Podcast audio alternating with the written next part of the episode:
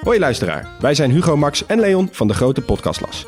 Wij zijn drie geografen en elke week behandelen wij een ander land. We bespreken onder andere de geschiedenis, politiek, natuur, maar ook de sport, de muziek en natuurlijk het eten. De nijlpaarden van Pablo Escobar, de vele bunkers van Albanië en het verschil tussen een sheik en een emir zijn zomaar wat voorbeelden die langskomen. Maar we bespreken ook de geopolitieke invloed van China in Afrika en de impact van het Europese kolonialisme. Luister dus wekelijks naar de audioversie van de Atlas, de grote podcastlas. Nou, ik zal maar zeggen, een man als Hans Prakke, een, een Max van Wezel, die zou in Engeland in de- naar het House of Lords gaan. Uh, Jaap Jansen, Lord Jansen, ik zie het helemaal voor me. Lord Johnson of East Park. Ja, ik, ik, ik, vind, ik vind het wel wat hebben hoor. Ja, ik vind het wel wat hebben. En jij met zo'n pruik op, dat zou ook wel kunnen. Dit is Betrouwbare Bronnen met Jaap Jansen.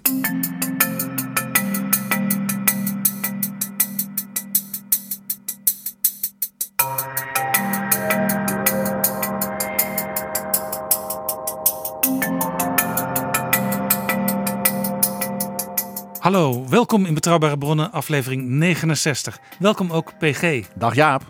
PG, het is bijna 12 december. Dan zijn er verkiezingen voor wat ze wel noemen the mother of all parliaments. Zeker, het Verenigd Koninkrijk. Zullen we het daar eens over gaan hebben deze Ja. keer? Ja, want eh, de geschiedenis en ook de cultuurhistorie in het bijzonder van het Engelse parlement, het Britse parlement. En ja, hun zeden, hun rituelen, de taal. De Right Honourable Member for Finchley, dat is Margaret. Ja, bijvoorbeeld. Nou, eh, de Right Honourable Member for Islington North, Jeremy Corbyn. Nou, dus dat is een heel eigen wereld. Daar gaan we dus over hebben. Ook over die geschiedenis. Van waar komt dat vandaan? Maar ook over ja, het parlement. Mag zelfs. Zelfs dat gebouw. Wij vinden ook die House of Commons. En de Lords. En denken we. Och wat prachtig. Die eeuwenoude. Schitterende oude gebouwen. Met al die decoraties. Ja, laten we het daarover hebben. Waar komt dit vandaan en waar gaat het naartoe? Juist. Jaap Jansen en Pieter Gerrit Kroeger duiken in de politieke geschiedenis. Good evening. For weeks, we've watched the politicians slugging it out together. Tonight, at last, we hear the voters' verdict as they tell us who's won. If the opinion polls through this campaign are borne out tonight, we're likely to see one of the biggest political upsets since the Tories were swept out of office in 1945. It is, at any rate, going to be a very, very exciting political night. We are already at all the places that matter. The count at Sedgefield for Tony Blair, his Labour club, with the Tories in Huntingdon, with the Liberal Democrats in Yeovil. We'll be following the party leaders. We'll be at the party headquarters. We'll be at the key marginal seats where the battles are being fought and people are discovering whether they've lost or won. All through the night, politicians will be coming here and be called to account by Jeremy Paxman. Yes, over the next 18 hours, we shall have a succession of victors, vanquished, and uh, walking wounded up here to explain what went right, what went wrong, and uh, what happens now in their respective parties. And here, all the results are phoned into us from across the country. We don't jump the gun, we wait till the returning officer has announced them. We're not even going to guess the very safest seats. And when the facts are marshalled, they're given to Peter Snow, who will illustrate what's happened on the battlefield. Yes, David, and we'll be illustrating this battle for power in a more adventurous and inventive way than we've ever done before. Now, of course, the battle will be won or lost in these key battleground seats, all blue in the last Parliament, Conservatives defending themselves against Labour, the Liberal Democrats, the Scottish Nationalists, the Welsh Nationalists, and so on. And how many of these seats will Labour manage to turn red tonight, the Scottish National Party yellow, and the Liberal Democrats gold in their contest to cross Downing Street and open the door to number 10? 12 december, verkiezingen, PG. Ja, en dan komt er dus een nieuw House of Commons. En dan denk je, ah, dan komen ze allemaal hè, in die groot, in die zaal die te klein is voor alle leden. Hè, dus niet iedereen heeft een stoeltje. Zoals En dat bij is ons. expres zo bedoeld. Dat is expres zo. Dus je moet er helemaal opgepropt moet je staan. En de, zeg maar, de, de, de, de, de, de senioren, die hebben natuurlijk hun eigen stoel. Want ook dit is het, Britse traditie. Dus als je lang zit, dan heb je je stoeltje. En de, de, de jonkies, eh, die moeten maar staan. En het is dus heel vol daardoor. En daardoor is het ook, is heel warm. En dus ontstaat er ook een hoop rumoer. En daardoor krijg je wat Hans van Mierlo wel eens heeft gezegd over de oude zaal van de Tweede Kamer in Nederland. De geur van wilde beesten die je dan kunt opsnuiven. Je weet, daar hangt iets in de lucht.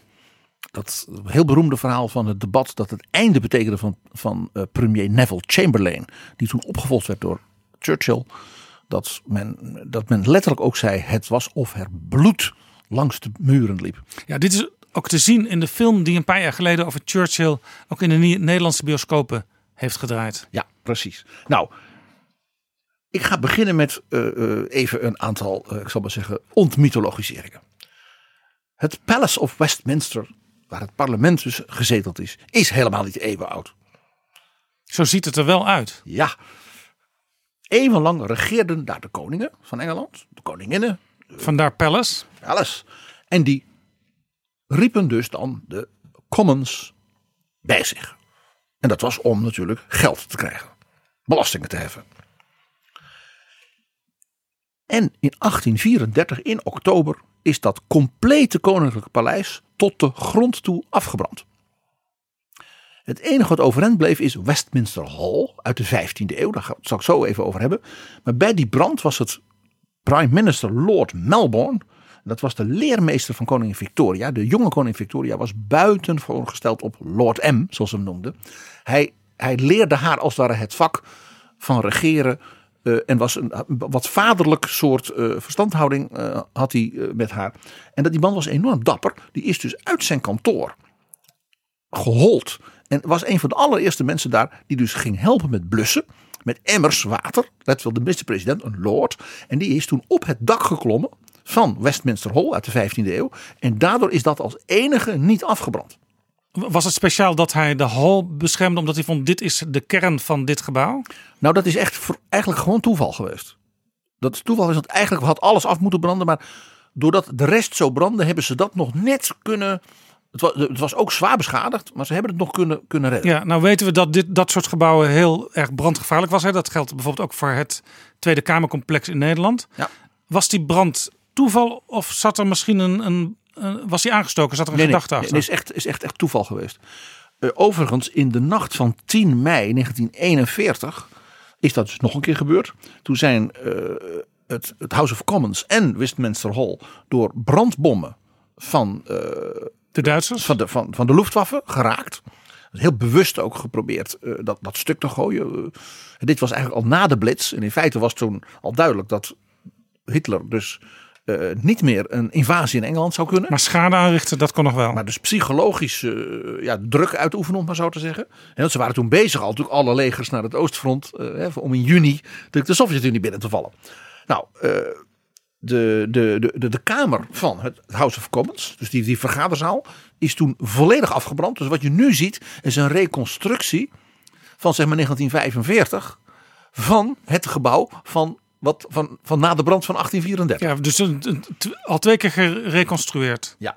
De, En, en, en, en ook En de, de Westminster Hall is toen gered opnieuw. Niet door Lord Melbourne, want die was natuurlijk inmiddels overleden. Maar door een vo- voormalig minister die vlak om de hoek woonde. Mr. Walter Elliot. En die eh, zei van de, tegen de, de, de brandweermensen.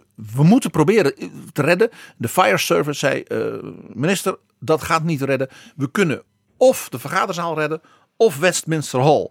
En ik lees nu voor uit de geschiedenis die het parlement zelf eh, heeft gepubliceerd. He had no hesitation in advising the fire service to concentrate on saving the medieval hall. After all, as he remarked to a friend years later, they could always build a new commons chamber. While the hall was irreplaceable. Elliot personally smashed with an axe an opening through the locked doors of the hall so that hoses could be brought inside to play on the burning roof. Dus die beroemde dak uit de 15e eeuw, dat is een meesterwerk van gotische architectuur, is op die manier dus gered en daarna dus zodat weer helemaal gerestaureerd. En ja, die is er dus nog. En als je daar rondloopt, ik ben al een paar keer geweest, dan eh, zie je overal hout. Alles eh, zit van hout aan elkaar, dus ja, heel erg brandbaar. Heel brandbaar. En die, die hall wordt dus nu is echt het enige originele dus van het oude Londense regeringscentrum. Dat is die hall. Waar de koningen bijvoorbeeld na hun kroning hun feestbanket gaven. Daar, gebruikten ze die hall voor. En die wordt dus nu dus gebruikt voor grote zeg maar, nationale ceremonies. Bijvoorbeeld als eh, een groot staatsman eh, het de House of Parliament toespreekt. Dan is dat in Westminster Hall. Dan komen dus de Lords en de Commons daar samen. En bijvoorbeeld eh, toen Churchill was overleden of de Queen Mum. worden ze daar dus lying in state. Hè? Dan mag, en dan gaan de deuren open, dan mogen de mensen dus daar afscheid nemen. En zoals bij eh, Churchill waren er dus honderdduizenden mensen die dus echt eh, kilometers in de rij stonden. Om dan eh, in Westminster Hall, dat is de ultieme eer voor een Brit, is om daar dus, dat je kist daar wordt opgebaard. Ja. Nou, eh, 1834, de zaak brandt af. En ja, het is net Nederland. Er moest natuurlijk een gerenoveerd nieuw gebouw komen. Het parlement. En net als in Nederland slaan de ruzie over de architecten. Eh, What's new, Jaap? Eh, ten eerste, welke stijl moest het worden?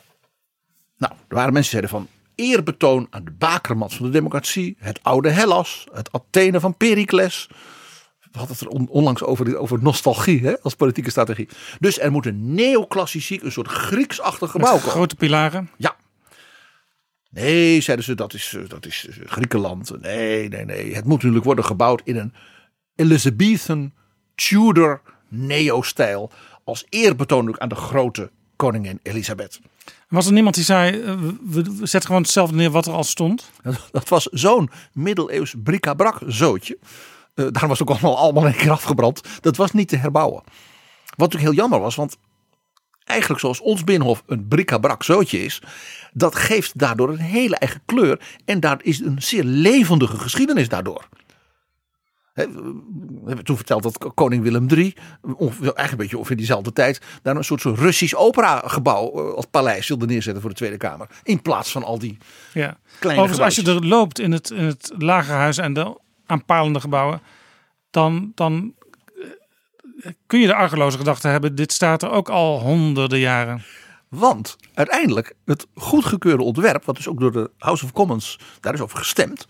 En dat is met bijna algemene stemmen aanvaard. Was een ontwerp, ja dat is ook weer heel bijzonder, officieel van Charles Barry en meneer Gillespie Graham, de architectenduo. Maar die hadden dat hele ontwerp niet gemaakt. Die hadden hun naam eraan ontleed, geleend. Het was een ontwerp van Augustus Pugin. Waarom, waarom stond zijn naam er dan niet op? Die was kort daarvoor heel publiekelijk, was bekend architect en intellectueel, katholiek geworden. En het kon natuurlijk niet in het land met een Anglikaanse staatskerk dat een rooms-katholiek het nieuwe parlement bouwt. Dus het moest heel smoezelig, min of meer geheim gehouden worden wie de echte Ja. architect was. Ja, en meneer Barry, die werd toen de hoofdarchitect. En die heeft toen voor de interior decorations meneer Pugin ingehuurd. En Pugin heeft dus, is het eigenlijk de hele binnenkant, eh, is dus ook van hem. En, en nou begrijp je, hij was, hij was de absolute nummer één van de neogotische bouwstijl. En daarom dus dat dat parlement met die enorme ramen. En die- dat je denkt, het is een soort Franse kathedraal, maar dan voor seculier gebruik. En als te veel duidelijk was geweest dat de, de echte architect, die Pugin, dat een katholiek was, dan was het waarschijnlijk helemaal niet goedgekeurd. Want dan, nee, dan, dan- dan nee. zouden de Anglikanen echt uit hun vel gesprongen zijn. Dan was, dan was dat ontwerp gewoon überhaupt niet ter stemming gekomen. Want zo lag dat. Nou, eh, de eerste steen is gelegd in 1840. En vlak voordat Pugin eh, eh, psychisch helemaal instortte, eh, is toen opgesloten in een, in een gekkenhuis. En dan heeft zijn vrouw. Had dat ermee te maken dat hij niet volledig erkend werd? Nee, nee, nee. Had te maken met. eh, waarschijnlijk had hij een, eh, een, een, een, hoe heet het, een, een ziekte aan zijn bijnier. Waardoor hij geestelijk helemaal. en toen is hij binnen een half jaar ook gestorven aan die ziekte. En, maar vlak voordat hij dus niet goed werd, heeft hij dus aan Barry nog zijn laatste ontwerp ge- gegeven. En dat was The Great Clock Tower. Die heet nu De Big Ben. De Elizabeth Tower heet hij. Naar de Queen. Toen zij dus de Maar we noemen hem de Big Ben. Maar iedereen kent hem als Big Ben. Zullen we hem even horen?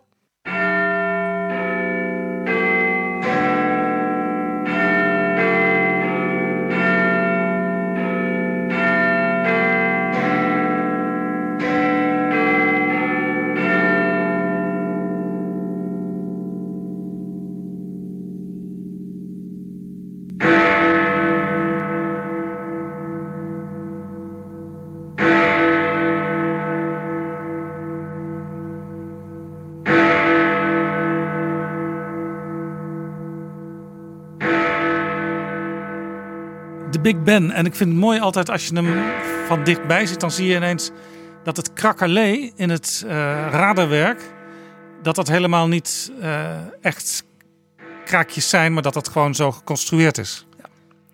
Big Ben is dus een, een soort gotische kerktoren.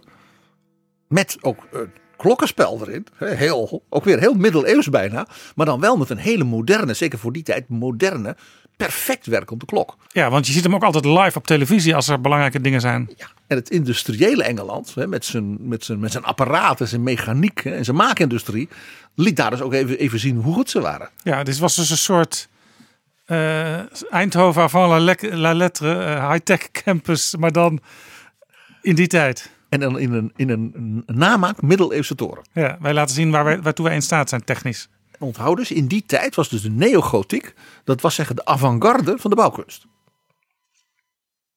Terwijl we dat nu zeggen, niet iedereen houdt van de neogotiek. Ik ben er zelf geen groot, groot liefhebber van. En, eh, maar, maar in die tijd, eh, kijk maar ook naar het Centraal Station. Kijk maar naar het Rijksmuseum. eh, ja, en, dat soort de werken ook van Kuipers in Nederland. Was dat dus, dat was enorm. Eh, eh, dus eh, ja, progressief. Ja, ja. en, en zo'n Kuipers in Nederland, die kreeg ook opdracht na opdracht, want ze willen hem allemaal een mooi gebouw laten neerzetten. En ook hij was katholiek. En onder andere dus de, de, de, de wandschilderingen in het Rijksmuseum kregen daarom even heel veel kritiek. Want men vond het te rooms. Jawel. Nou, ik dacht naar aanleiding van deze verkiezingen en even dat verhaal over dat gebouw. Omdat iedereen dat gebouw kent en die zaal kent. En men van alles van over veronderstelt. Waarvan ik zeg, daar klopt lekker helemaal niks van. Twee thema's in deze eh, speciale editie. Ik dacht iets over de historie van het Britse bestel. En dat kiesstelsel wat zo apart is. En ook even vergelijken met dat in andere landen, hoe dat werkt. En het tweede gedeelte, we moeten het toch even hebben over het hele eigen karakter van de politieke cultuur van de Britten. Eh, hun, hun debatcultuur, ook de parlementaire zeden. Dat zijn ook hele aparte eh, dingen. En waar dat vandaan komt. Ja, ik vind en een paar, altijd- en paar, een paar natuurlijk van de allergrootste parlementariërs. En hun bijzondere bommo's en beroemde uitspraken. Ja, we hebben het er al wel eens over gehad in Betrouwbare Bronnen, maar als er een crisis in het parlement is, dan wordt er altijd eh, een soort toverformule gezocht van hoe gaan we dit nou oplossen. En ze hebben niet, zoals in Nederland, een reglement van orde wat om de paar jaar helemaal wordt vernieuwd. Eh, maar het, is, het zit een beetje in de hoofden van de deelnemers en dan vooral van de senior Ja. eh, attendants. En de speakers. Want er is niet één speaker, zoals je weet, er is de speaker. Maar die heeft zeg maar, collega-speakers. En die vormen een soort, ja, soort presidium voor waarden en normen van het parlement. Dus die zeggen nee, dat doen we zo. En dat hebben ze onlangs gehad, dat eh, de speaker John Burko dus ook zei: nee, dat wil de regering nu wel. Dit is niet comme il faut, zouden wij zeggen, conform. Dus de parlementaire afspraken. Toen beriep hij zich op een afspraak uit 1609. Ja, en het interessante is ook dat een van de regels is eh, dat je niet constant eh, hetzelfde voorstel in stemming mag brengen. als, ging dat over. Als het verworpen is op een bepaalde manier, dan mag je het de hele tijd niet meer, niet meer doen. Ehm, en de speaker die heeft ook he- hele vergaande bevoegdheden als het gaat om de volgorde waarin eh, moties en amendementen ter stemming worden gebracht. En mensen het woord ontnemen. Omdat ze onparlementaire taal gebruiken. Ja, hij kan gewoon zeggen, jij komt er voorlopig even niet meer in, want je bent te ver gegaan. Zo is dat. En dan mag je ook niet stemmen. Een discussie die in Nederland nu ook speelt. Nou, twee, ik mag even twee kleine voorbeeldjes, Jaap, van die unieke Britse cultuur van de debatteren. Eén uit de 20e eeuw en en uit de 18e eeuw. Die 20e is natuurlijk Winston Churchill. Er was een afsplitsing in de liberale partij, waar hij overigens zelf ook van afgesplitst was. Hè, waarbij dus de linkervleugel ging fuseren met Labour, dus de socialisten.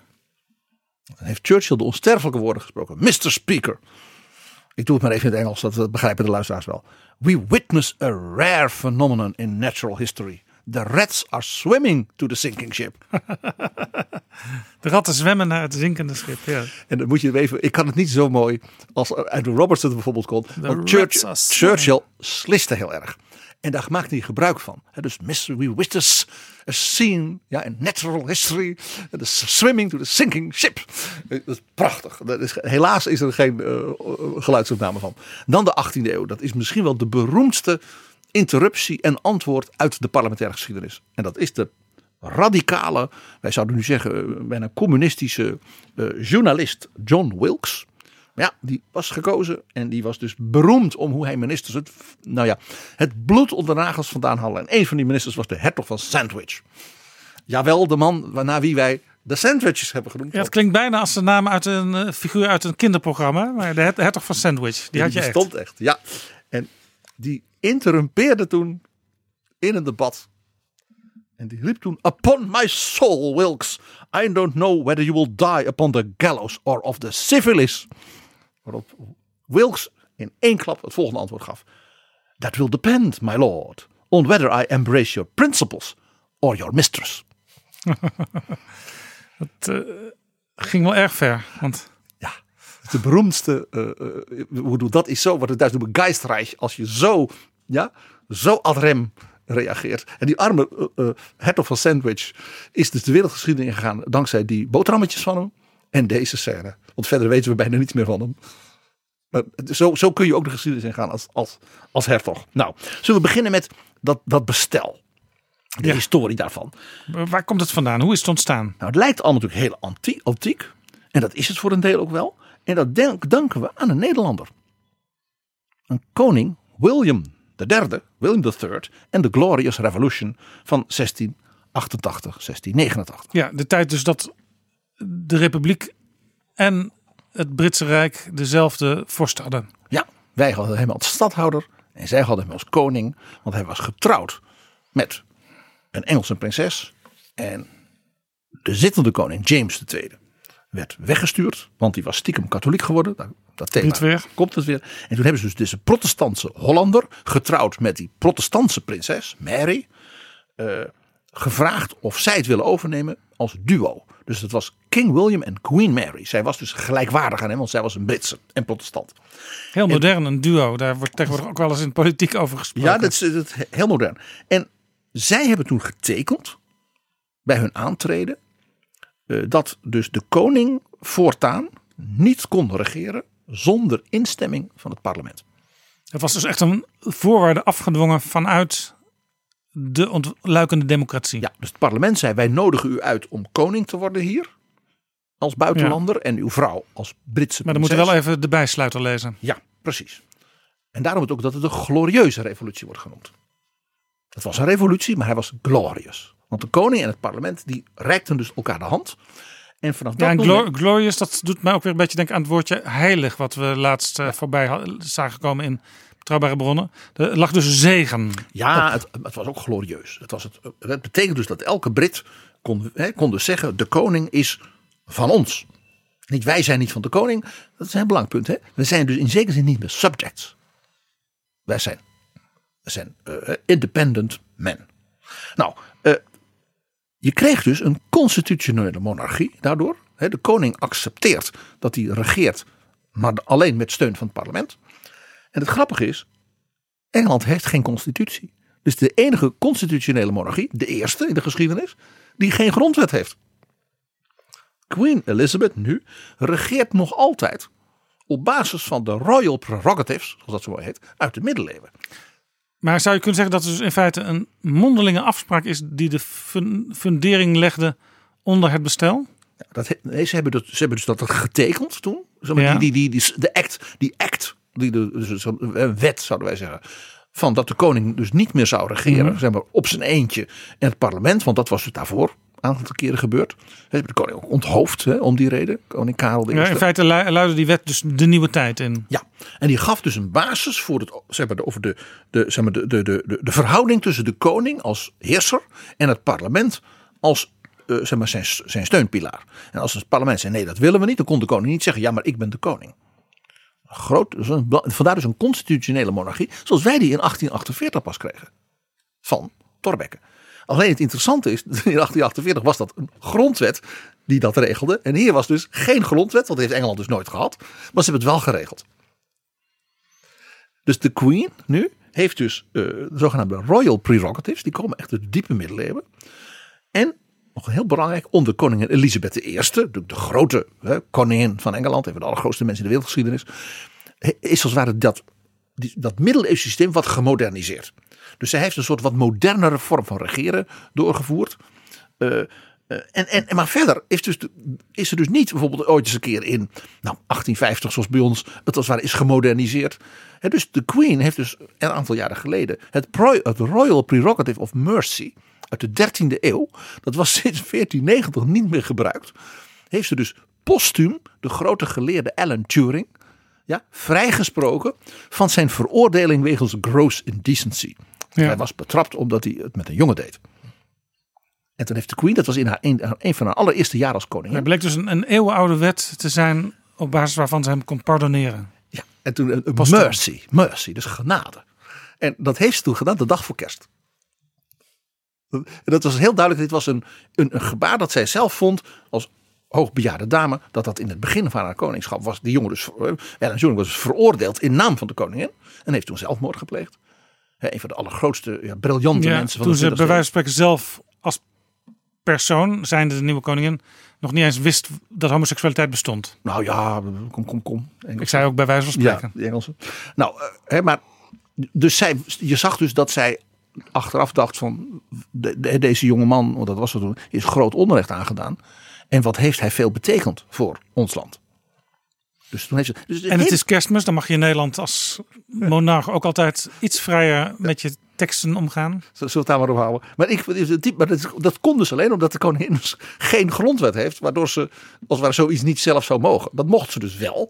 En ze heeft natuurlijk gewoon een hele slimme eh, jurist eh, gehad. Die heeft gezegd, "Maar majesteit, ja, sinds 1490 is dat niet meer gebruikt. Maar ja, u mag het wel. Nou, zo zie je, eh, er zijn dus allerlei merkwaardige rituelen ook rond de Engelse politiek en de staat en de koningin. Omdat dat dus ja, nooit is opgeschreven. En die middeleeuwse gewoonten dus nog gewoon bestaan. Bijvoorbeeld, de koningin mag je niet aanraken. Daarom dat ze ook dat van die handschoenen heeft. Kijk maar op die foto deze dagen van de NATO-top. Dan zie je haar dus in het midden zitten. En dan zie je dat ze handschoenen aan heeft. Omdat ze al die mensen een handje geeft. Eh, Mark Rutte en Trump en Merkel. Maar je mag haar niet aanraken.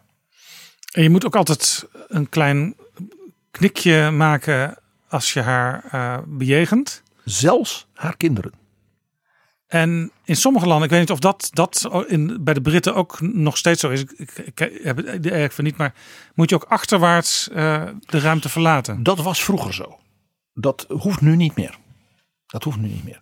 Eh, maar bijvoorbeeld ook als de premier wordt eh, benoemd.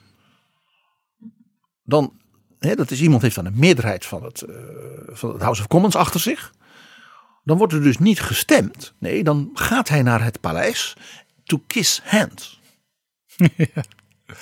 En dat is letterlijk dan dan de koningin reikt hem dan de hand met natuurlijk de handschoen. En dan moet hij heel even, heel even zo of voor die hand buigen. Vroeger was zo dat je dus ook echt met je lippen moest aanraken. Dat doen ze nu ook niet meer. Het is allemaal wat gemoderniseerd. Maar dat heet dus kiss hands. En dan ben je premier. Ja, er was zelfs discussie in het Verenigd Koninkrijk of Jeremy Corbyn dat wel zou doen mocht hij prime minister worden. Als republikein. Eh, ja, eh, inderdaad. Overigens, dat gold ook voor Tony Blair. Daarvan zou men ook van ja, die wil heel modern. Die wil eigenlijk republikein. Eigenlijk wil hij een republiek. Maar Tony vond het prachtig natuurlijk. Nou, wat ook heel interessant is. Wist Want jij dat Tony zei later ook, dit was The People's Princess over. Ja, daar was ze dan Diana. daar was ze minder blij mee. En terecht. Wat, ook de, wat, wat de koningin dus ook nog altijd heeft, sinds de diepe middeleeuwen, en dat is mede toen gemoderniseerd door Elisabeth I, dat is de zogenaamde Privy Council. Dus de premier benoemt een aantal mensen van zijn regering. En die hebben dus de titel Privy Councillor. Nou, het woord privy zegt al, daar zit het woord privé in. Dus dat is de persoonlijke raad van de koningin. En, ja, en onder Elisabeth en ook onder haar eh, vader en zo. Maar vooral Elisabeth heeft dat gemoderniseerd. Heeft dus die Privy Council. Dat waren zeg maar de, haar verstandigste edellieden. Eh, en die vormden eigenlijk een soort regering. Ze waren wel niet helemaal ministers, maar eh, dat was wel een soort eerste moderne regering op basis van niet alleen maar van adellijke geboorte. Zou je kunnen zeggen een soort raad van state? Ja, ja ook. Raad van State en kabinet. Een beetje door elkaar heen. En de, dat is ook typisch. Hebben dus nu, heb je, heb je nu een kabinet, je hebt een prime minister en alles. Maar typisch dus Brits, omdat dat nergens precies is vastgelegd, is die Privy Council dus niet eh, afgeschaft. Dus de Queen heeft nog altijd een Privy Council. De premier, draagt mensen voor. Daar zegt ze dan ja tegen. En die Privy Council die, die komt dus ook regelmatig bij de koningin bijeen. Voor hele formele staatsrechtelijke beslissingen. Dan, dan neemt zij die beslissing, gehoord de Privy Council. En dat is nog een echo dus van koningin Elisabeth I. Maar als er rare dingen gebeuren, hè, zoals de laatste tijd gebeurd zijn. Eh, met de vraag wie heeft het eigenlijk nog voor het zeggen, de regering of het parlement. En weet het parlement zelf eigenlijk wel wat het wil. Dan zou je kunnen zeggen, er komt ruimte, extra ruimte voor zo'n staatshoofd. Ja. Maar, en dan raadpleegt zij natuurlijk de Privy Council. Maar deskundigen zeggen toch altijd in hun duiding, ja, ze had ook niks anders kunnen doen dan deze beslissing kunnen nemen. Dat komt ook omdat Queen Elizabeth ongelooflijk lang, hè, langer dan wie dan ooit, op de troon zit. En bekend is dat zij vanaf het begin altijd heeft gezegd: Ik ben een constitutioneel monarch. Zij is dus buitengewoon uh, precies in uh, zeg maar, de invulling van haar rol. Daarom dat ze ook zo enorm wordt bewonderd. En het ook bekend is dat ze haar adviezen aan de premier, hè, zij mag, zoals dat heet, vragen stellen, waarschuwen en geïnformeerd worden. Dat zijn daar drie, dus de drie dingen die ze mag doen met de minister-president.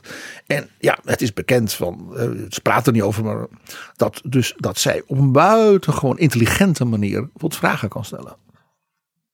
Dan weet u zeker dat. Ja. En kunt u mij misschien vertellen op welke gronden? Ja? En, en, en waarschuwen van uh, zou het niet in het belang van het land kunnen zijn als we misschien dit doen? En nou, daar schijnt ze dus fameus in te zijn en dat heel droog en heel.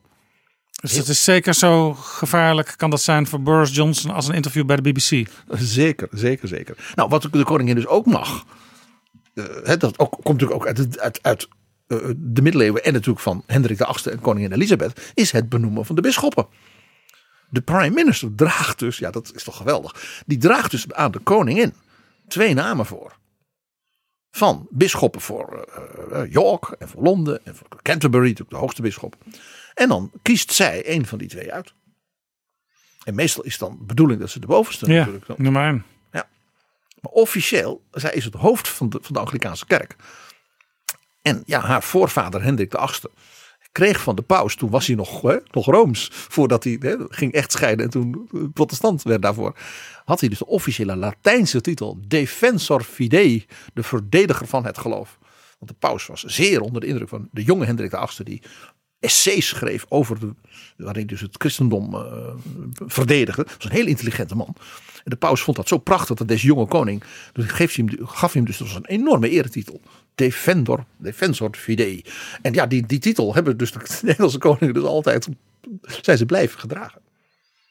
Mooi hè? Vanuit Nederland ook een heel raar idee hè? Dat, dat een prime minister voordraagt wie de bisschop moet worden. Van de Anglikaanse kerk. Niet van de katholieke kerk, nee, van de Anglikaanse kerk. Is dat niet in strijd met, met internationale regels die we Nee, langzamerhand hoor. met elkaar hebben afgesproken? Gelu- Gelukkig niet, gelukkig niet. Want het, het- het heeft niks te maken met vrijheid van godsdienst zou je kunnen Natuurlijk zeggen. wel, eh, iedereen als man mag geloven wat hij wil. Ja, maar de, de prime minister en de koning dus ook. Die bepalen wie de bisschop wordt. Dat zegt dus dat, dat, dat, dat die persoon van dat geloof, die leider van dat geloof, staat boven de leiders van andere geloven. Nee, de, de leider van de Anglikaanse kerk is de Queen. Ja, nou ja, Niet die is- bisschop. Dat is ook al raar, want de scheiding kerk en staat heb je dan niet. Nee. Niet een scheiding tussen de Anglikaanse kerk en de vorst. Maar wel gewoon in de gemeenschap natuurlijk. Nou, en natuurlijk, dat, wat natuurlijk Engelse koning, en koningin ook mag, ook in de diepe middelen, het uitdelen van kroondomeinen, adellijke titels. eh, ja, Eh, Meghan die dan ineens de hertogin van Sussex wordt. Ik bedoel, ja, hè? Eh, dat soort dingen. En natuurlijk de Order of the Garter. Maar die kroondomeinen blijven neem ik aan wel in de familie. Zeker, zeker, zeker. De hertog van Westminster, dat is een neef van de koningin, is de allerrijkste man van Engeland ongeveer vanwege het vastgoed. Grote delen van Londen, die grond is van de hertog van Westminster. En ik geloof ook dat Prins Charles, die verkoopt ook allerlei producten van zijn landerijen. Ja, ja, ja zeker. En zeker. daar verdient hij goed aan. Ja. Dan krijgt hij zelfs nog subsidie voor uit Brussel ook. Uiteraard. Want hij is heel erg van de, de, de, de veganistische, milieuvriendelijke landbouw. Zeker, zeker. Nou, dat, dit zijn dingen die voor ons, omdat wij natuurlijk een constitutioneel bestel hebben, ja, 1848 en ja, die grondwet, dat, dat, eh, dat vinden wij dus, nou, laat ik zeggen, merkwaardig. We he- hebben het ook een tijdje geleden ook met eh, Paul Rem eh, ook uitvoerig over gehad, over die hele eigen stijl. Ja, terwijl sommige dingen ook wel weer een beetje op eh, Nederland lijken. Het districtenstelsel, dat hadden wij vroeger in Nederland ook bijvoorbeeld. Ja, zullen we het daar eens even over hebben over hoe dat stelsel, wat dus ook dat kiesstelsel eh, in belangrijke mate bepaalt, hoe dat nou in elkaar zit en waar dat vandaan komt. Kijk, 1689, de Glorious Revolution, dat was dus het moment. Dus een, zeg maar, is, is, is misschien het grote snijvlak in de zeg maar, politieke historie van, van Engeland als bestel. Ja, nog even één vraag tussendoor. Want William III was toen in beide landen aan de macht, zou je kunnen zeggen. Was dat niet het moment geweest om eh, de systemen dan ook min of meer gelijk te schakelen? De gedachte alleen al. Willem III, prins van Oranje, was stadhouder in de republiek, niet de vorst. Ja, nee, maar dan zou je, de republiek was dus al wat democratischer, zou je zeggen. Dat was vooral eh, eh, iedere stad, ieder gewest eh, deed wat hij zelf wilde. En de Staten-Generaal, vergaderend hè, op het Binnenhof in Den Haag, eh, ja, die nam de beslissingen. De- Je moet de positie van de stadhouder, eh, dus de Oranjes voor 1815, hè, toen koning Willem I koning werd, die moet je echt niet overschatten. Willem III was als stadhouder, hij werd natuurlijk eh, Nee, dus in die zin was hij ook al gewend eraan toen, het Brits, toen de Britse, Brits parlement zei: Jij mag onze koning worden onder hele belangrijke beperkende voorwaarden. Dat, daar was hij eigenlijk al aan gewend. Ja, hij was geen autocraat in de republiek. Het was geen tsaar, om maar even zo te zeggen. En dat de Britten zeiden, wij willen een koning, die willen we eren. Ja, maar we willen wel. Dat, die, die, subtiele verstandhouding, dat was, dat was hem niet vreemd. Hij, hij- hij werd ook in de jaren dat hij dus koning was eh, in Engeland, hooglijk gewaardeerd. Om de wijze waarop hij bijvoorbeeld als vorst tot het parlement sprak. Zijn toespraken waren beroemd. Het was geen eh, zeg maar, flamboyante persoonlijkheid. Het was geen Lodewijk XIV, zijn opponent. Het was wel een soort ethische norm die hij stelde. Ja, dus de wijze waarop hij het koningschap invulde. eh, eh, waarbij hij dus ook altijd liet blijken van. U bent Britten, ik ben geen Brit van geboorte. Ik ben wel uw koning. Maar ik besef dat u de drager van de Britse natie bent. Het was de, de, de soeverein in Engeland, is dus ook heel interessant, was dus vanaf dat moment niet meer de koning. De persoon. Zoals koningin Elisabeth dat natuurlijk nog heel erg was. De, de eerste. Het heette vanaf dat moment de king in parliament. Is de soeverein. Dus niet de persoon van de koning, maar de rol van de koning in het parlement. Ja. Die vormen samen de natie. Ja, wat in zekere zin ook nog doorwerkt in de British Commonwealth, waar de, de koningin ook nog staatshoofd is in een heleboel andere landen. En op eenzelfde manier. Ze regeert daar niet. She doesn't rule. Maar ze hangt wel overal aan de muur. She reigns, but doesn't rule. Ja, de king in parliament, dus de koning ook als symbool van de, van de natie. En het parlement belichaamt die natie. Ja? En samen vormen ze dus de soeverein. Eh, om te geven hoe, hoe fundamenteel dat is. Koningin Elisabeth I, die noemde, zei er altijd, zij was de body politic. Dus het politieke lichaam. Een soort openbaar lichaam. Ja, ja, nee, prachtige term. Zij zei ook altijd: het feit dat ik een vrouw ben, betekent niets. Ik ben de king. Haar beroemdste toespraak tot, tot de troepen, weet je wel, toen de armada dreigde. Toen is ze naar, naar de kust gegaan, heeft ze die troepen toegesproken. En toen zei ze: I may have the body of a weak and feeble woman, but in me beats the heart of a king and a king of England too. Ik mag dan het lichaam hebben van een zwakke vrouw. Maar in mij klopt het hart van een koning en een koning van Engeland bovendien. En toen hebben die mannen haar hartstochtelijk toegejuicht. Ja, nou het is natuurlijk ook zo in Nederland. De grondwet spreekt ook van een koning en niet van een koningin. Eh, maar wie het is, dat doet niet ter zake. Het is de koning in welke vorm dan ook. En het bijzondere was dus dat dus koningin Elisabeth die dat zo prachtig formuleerde. Hè, ik ben de body politic. Dat dus Willem III, hè, dus de soeverein werd toen de king in parliament. Het, het, het lijkt heel abstract, maar ik, ik zie aan jou dat jij denkt, ja, Ja. Dat, is, dat, dat is heel fundamenteel. Hij Nou, regeert binnen dat kader. Juist. De king in parliament. Juist. Nou, eh, dus dat parlement van 1689, ja, dat werd de norm. Hè? Zo doen we dat. Dus de kiesdistricten en alle, alles zoals het gedaan werd toen, dat werd voortaan, was dat dus, zo hoort het. Dat was eigenlijk het ideaal van good governance. Had je in die tijd ook al ehm, ongeveer zoveel districten als er nu zijn? Eh, ietsje minder, ietsje minder. Eh, wat je alleen wel had, was dat naarmate dus de eeuw vorderde, en met name dus in de 18e eeuw, dus zeg maar in de decennia na de Glorious Revolution, dat Engeland natuurlijk enorm ging veranderen. Industrialisering. Industriële revolutie, de, de stoommachine, maar minstens zo belangrijk, wat mensen vaak vergeten, is de agrarische revolutie.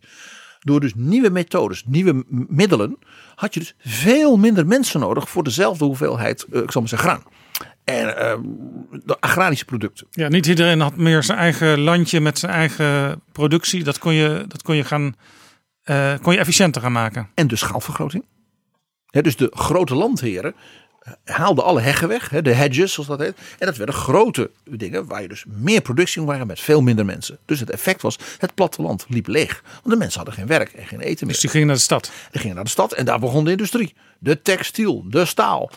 Dus steden als Manchester, Leeds, Sheffield kregen dus honderdduizenden inwoners. Nou, Dus de districten die er waren, die kregen op het platteland minder kiezers en in in de steden meer kiezers. ik zal je het vertellen. Prachtig voorbeeld. Eh, eh, het kiesdistrict Old Sarum in Wiltshire. Dat was een onbewoonde heuvel. Met drie leegstaande huizen. En die heuvel stemde voor twee Kamerleden. En de stad Manchester, toen 100.000 inwoners had, niet één kiesdistrict. Want het oude Manchester, de dorpjes die daar waren, hadden geen kiesdistrict, want daar woonde niemand. In 1689. Dus je kreeg een heel merkwaardig verschijnsel. Dat dus hele de- delen van Engeland allemaal mensen verkozen. Terwijl er eigenlijk bijna niemand woonde. En andere delen van Engeland, ook rond Londen. En die, dus die nieuwe industriesteden. Havensteden als Liverpool, Bristol. Dat, dat die geen vertegenwoordiging in het parlement hadden. Of nau- nauwelijks. Nou, die lege eh, kiesdistricten. Die werden dus verhandeld. Want de- baas van dat stukje, van, van, van, van, van- die landerijen. Dus een edelman. Die kon dan zeggen, nou, ik heb twee eh, kamerzetels. Ja. En die ene, daar zet ik mijn zoon op. Of ook heel vaak zijn rentmeester. Dus de man, die zeg maar de CEO van zijn bedrijf. Hè, als, Ja, als ja. agrarisch bedrijf. Die maakte die parlementariër. En die ander was te koop. ja, dus ik kon zeggen, ik wil graag Kamerlid worden. Wat moet ik, eh, wat moet ik voor je doen? Ja, wat, eh, nou, dan moet je mijn belangen behartigen. En je kreeg dus een heel merkwaardige ontwikkeling. Dat dus hele grote delen van Engeland politiek niet vertegenwoordigd waren. En er dus een heleboel vertegenwoordigers in het parlement waren die eigenlijk niemand vertegenwoordigden. Behalve hun opdrachtgever. Nog gekker. De kroondomeinen hadden dus ook kiesdistricten. Want daar woonden mensen. Met name de havensteden waar natuurlijk de Admiralty, dus de vloot, de baas was. Dus de minister voor de, voor de vloot. Marina? Juist. Die had dus een enorm patronagenetwerk van kamerzetels. Die hij kon vullen.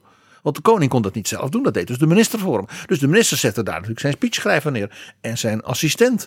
En een, een vertrouweling. En hij had dus en ook zijn bij, broer. bij nieuwe plannen, nieuwe wetten, had hij ook al een, een soort minimaal aantal stemmen altijd in het parlement.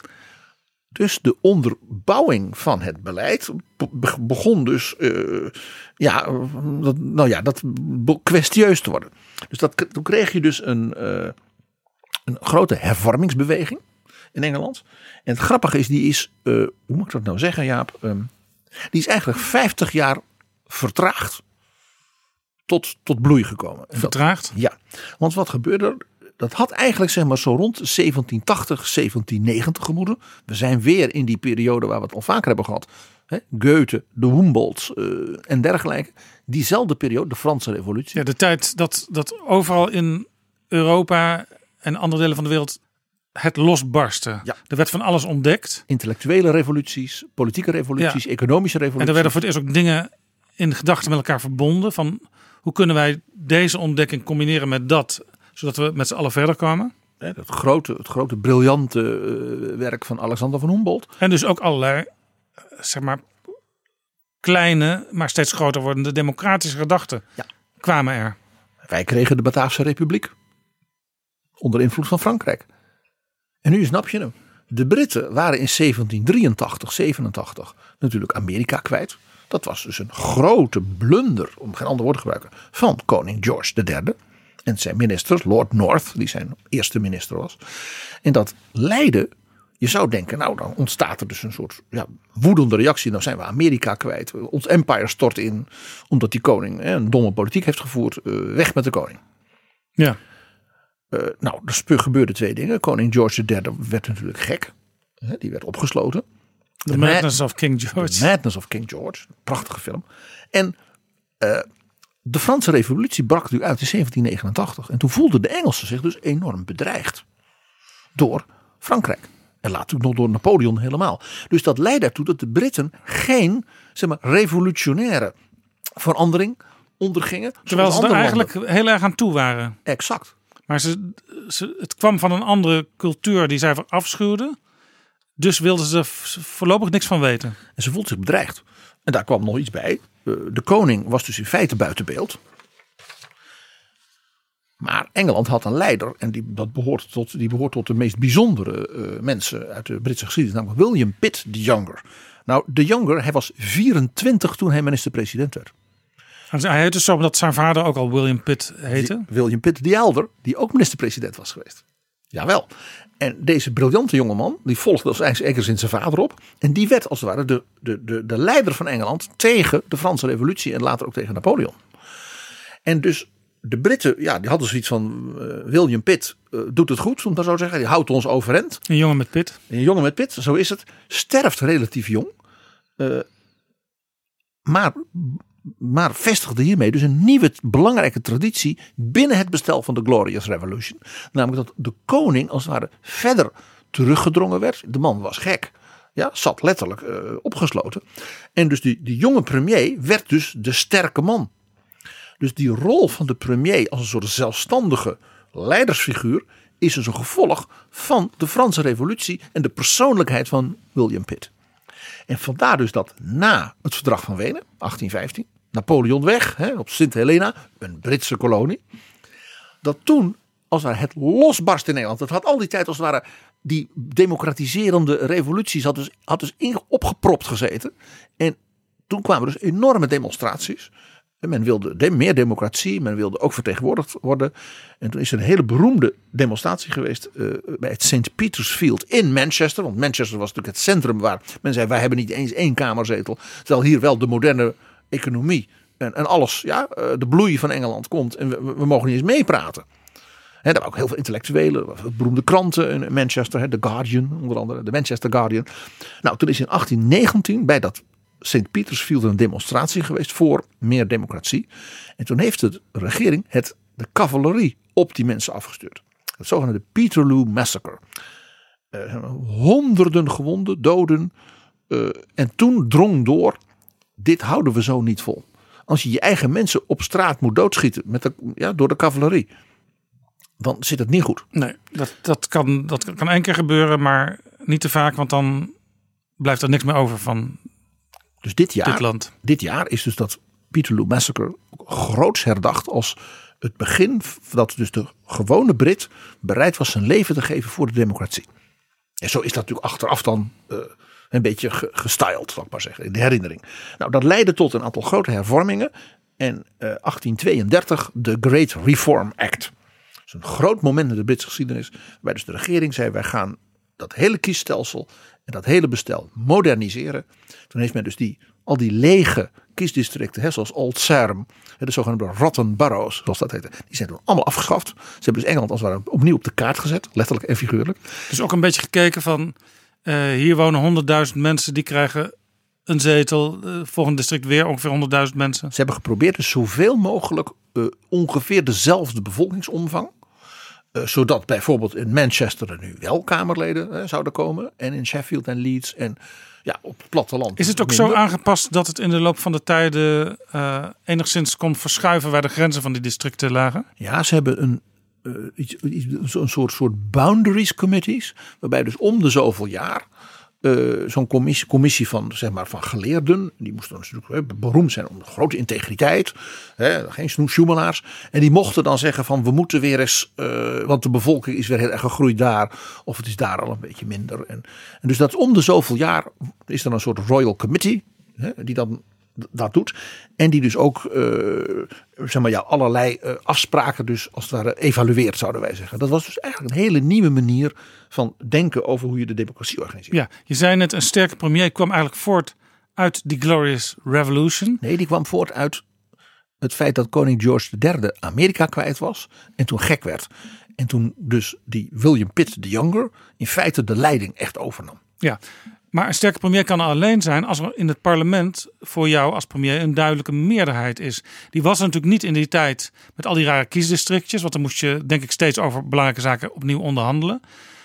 Toen die kiesdistricten opnieuw ingedeeld waren en meer een, een afspiegeling waren van de werkelijkheid, Kwamen er toen ook duidelijke meerderheden? Ja, want toen ontstond natuurlijk wat wij zouden zeggen politieke partijen. Want toen gingen dus groeperingen zich ordenen om die kiesdistricten eh, eh, te veroveren. Op, op het platteland bleef nog heel lang zeg maar, de oude bedeling, waarbij dus de, de heer, de plaatselijke heer, tegen de boeren zei: jullie moeten zo stemmen. En eh, dan, anders krijg je bijvoorbeeld in de winter geen hout. Echt over dit soort dingen. Je was dus braaf. Want ja, de heer was jouw huisbaas, maar gaf, ook de, gaf je ook werk. En de heer stond bij wijze erbij als je het kruisje op het biljet invulde. Letterlijk, Jaap. Pas in 1872 is in Engeland de geheime stemming bij verkiezingen doorgevoerd. Dus 40 jaar na de Great Reform Act. Ongelooflijk. En ook, ook heel leuk, toen hebben ze nog iets geregeld. Het geven van feesten, slamppartijen en andere uh, zeg maar, geneugten de dag voor en de dag van de verkiezingen door kandidaten werd ook verboden. Want dat was dus wat het platteland graag gebeurde. Dan gaf de heer een groot feest. En dan kregen ze allemaal te drinken en dan uh, lekker eten. En, uh, en dan gaf hij cadeautjes. Moesten ze wel even op zijn zoon stemmen. Ja. Op diezelfde Ja. dag. Wat je nu wel eens in, in, in, in- nog steeds in bepaalde landen ziet. Dat er, ik heb zelfs wel eens gezien dat er zelfs biljetten van 100 euro in, in, geloof in Afrika werden uitgedeeld bij verkiezingen. Kijk, Ik weet hoe, niet of het euro's waren, maar in ieder geval biljetten van iets. kijk hoe dat in de DDR ging. En nu ook nog in Wit-Rusland. Ja. Weet je, dat is met, met marsmuziek. eh, ja, als, als bedrijf. Alle werknemers naar de stembus. En dan allemaal stemmen op de partij. En dan kreeg je wat. En de feestjes ook met veel muziek en drank van de NDP van onze vriend Bouterse. Eh, en Poetin die dat ook doet. Het grappige, dat, dat, dat, ja, als historicus word ik daar stiekem altijd een klein beetje blij van. Dan denk ik, dat zijn dus hele oude menselijke patronen. Dat hebben ze in Engeland dus pas 40 jaar na de Great Reform Act, dus, dus die omkoping min of meer van kiezers, strafbaar geworden. Nou, dat leidde er dus toe dat er partijen ontstonden. De Tories, de Liberals, ja, de Whigs, zoals ze werden genoemd. En dat die dus ook leidersfiguren kregen. Dus je kreeg in de 19e eeuw een aantal van, nou, zeg maar, iconische Engelse premiers. Als natuurlijk Peel in de tijd van eh, Victoria. Zij mocht hem helemaal niet, want zij, hij hield ontzettend van haar Lord M. Hè, Melbourne, die man die het vuur eh, hielp, hielp bestrijden. Ja. Hè, ze was dol op Lord M. Nou, Peel vond ze helemaal niks. Maar haar man, prins Albert, hè, de beste koning die Engeland nooit gehad heeft, zoals ze zeggen. Die kon het heel goed vinden met Peel, want die was relatief progressief. Nou, dan had je de Gladstone, dat was de grote leider van de liberalen. Ja, die eh, hangt ook in het trappenhuis van eh, het gebouw van de. Ik weet niet of ze er nog zitten. Ik denk dat er nu tegenwoordig de Lib Dems daar zitten. Eh, die hebben een enorm trappenhuis en daar hangt heel groot een geschilderd portret van Gladstone. The Grand Old Man werd hij genoemd. Nou, dan hè, een beetje Adenauer, die der Alte. En dan natuurlijk wat ik zelf de allerbijzonderste figuur vind in de 19e eeuw in Engeland. Benjamin Disraeli. De eerste en tot nu toe enige Joodse premier van Engeland. De naam zegt het al. Hij was een literator, hij was een romanschrijver. eh, was dus zeer begaafd met taal. Eh, dus hij was fameus in zijn debatten. En hij, was, hij kon ook geweldig goed gemeen zijn in debatten. En koningin Victoria was verkikkerd op hem. Die twee waren dol op elkaar. Hij kon haar altijd spelen met zijn charme. En zij, ja, ze vond hem gewoon ontzettend leuk. Dus zijn verslagen bijvoorbeeld van vergaderingen of, of, of onderhandelingen die deed aan haar. Dat waren bijna wat flirterige briefjes. Heel apart, heel apart. Hij, het was dus een briljante man in vele opzichten. En hij had één hele grote bewonderaar in Europa. Otto van Bismarck. Oh. Die is zelfs een paar keer bij hem geweest in Londen. Bismarck sprak namelijk vloeiend Engels. En las dus ook die debatten. En genoot van Disraeli. En Disraeli is een keer heel lang ook bij hem in Berlijn geweest. Voor een grote conferentie. Om zeg maar, in Afrika weer allerlei gebieden te verdelen. Waarbij dan Bismarck zeg maar, die conferentie voorzat. En toen heeft hij het heel beroemd in zijn verslag. Van die conferentie aan keizer Wilhelm I. Schreef hij. Ja dat is 19e eeuws Duitsland. Vergeef mij. Der einzige der was versteht van politiek is der alte Jood. Even een vraag, misschien een merkwaardige vraag, maar je had het straks de hele tijd over katholieken, dat dat toch soms wat lastig lag. Was een Joodse premier, was dat eigenlijk acceptabeler dan een katholieke premier? Absoluut. Absoluut. De, Engelse koning mocht en mag niet met een katholiek trouwen. Ja, William III werd naar Engeland gehaald, Glorious Revolution, om die stiekem katholiek geworden James II, zijn oom, te vervangen. Die hebben ze gewoon eruit getrapt. Ja, ja, want de Anglikaanse kerk was dus, kwam dus in plaats van de katholieke kerk. En waar je afscheid van hebt genomen, dat is, dat is erger dan iets anders vreemds, wat in zekere zin een Joods premier ook was in die tijd. Dat was apart. Ja, ongebruikelijk. En hij is ook de enige tot nu toe. Maar eh, kijk, de katholiek, dat was natuurlijk Spanje. Dat was de Armada. Dat was Lodewijk XIV. Dat was, dat was het grote gevaar. Koningin Elisabeth I had zelfs allerlei allianties met de, met de sultan. En met de koning van Perzië. en de, de, de bij van Tunis. En zo. Tegen Philips II. Jawel. We moeten het een keer over Elisabeth I hebben. Want dat is echt een, een van mijn favoriete mensen. Er komt vast wel een historisch moment waarop we daarop terug kunnen gaan. Ik, ik, zal je één, één van die dingen waarom Disraeli zo literair zo begaafd was. En ook zo ongelooflijk vilijn kon zijn in debatten. Toen sprak hij over een van zijn opponenten. En toen zei hij. He was distinguished for ignorance. For he had only one ID. And that was wrong. het is, het is in Nederlands, als dit in Nederlands vertaalt, is het meteen niet meer zo leuk. Maar zo Nou ja. puntig en zo.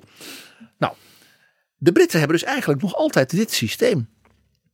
Het systeem van The Glorious Revolution en The Great Reform Act.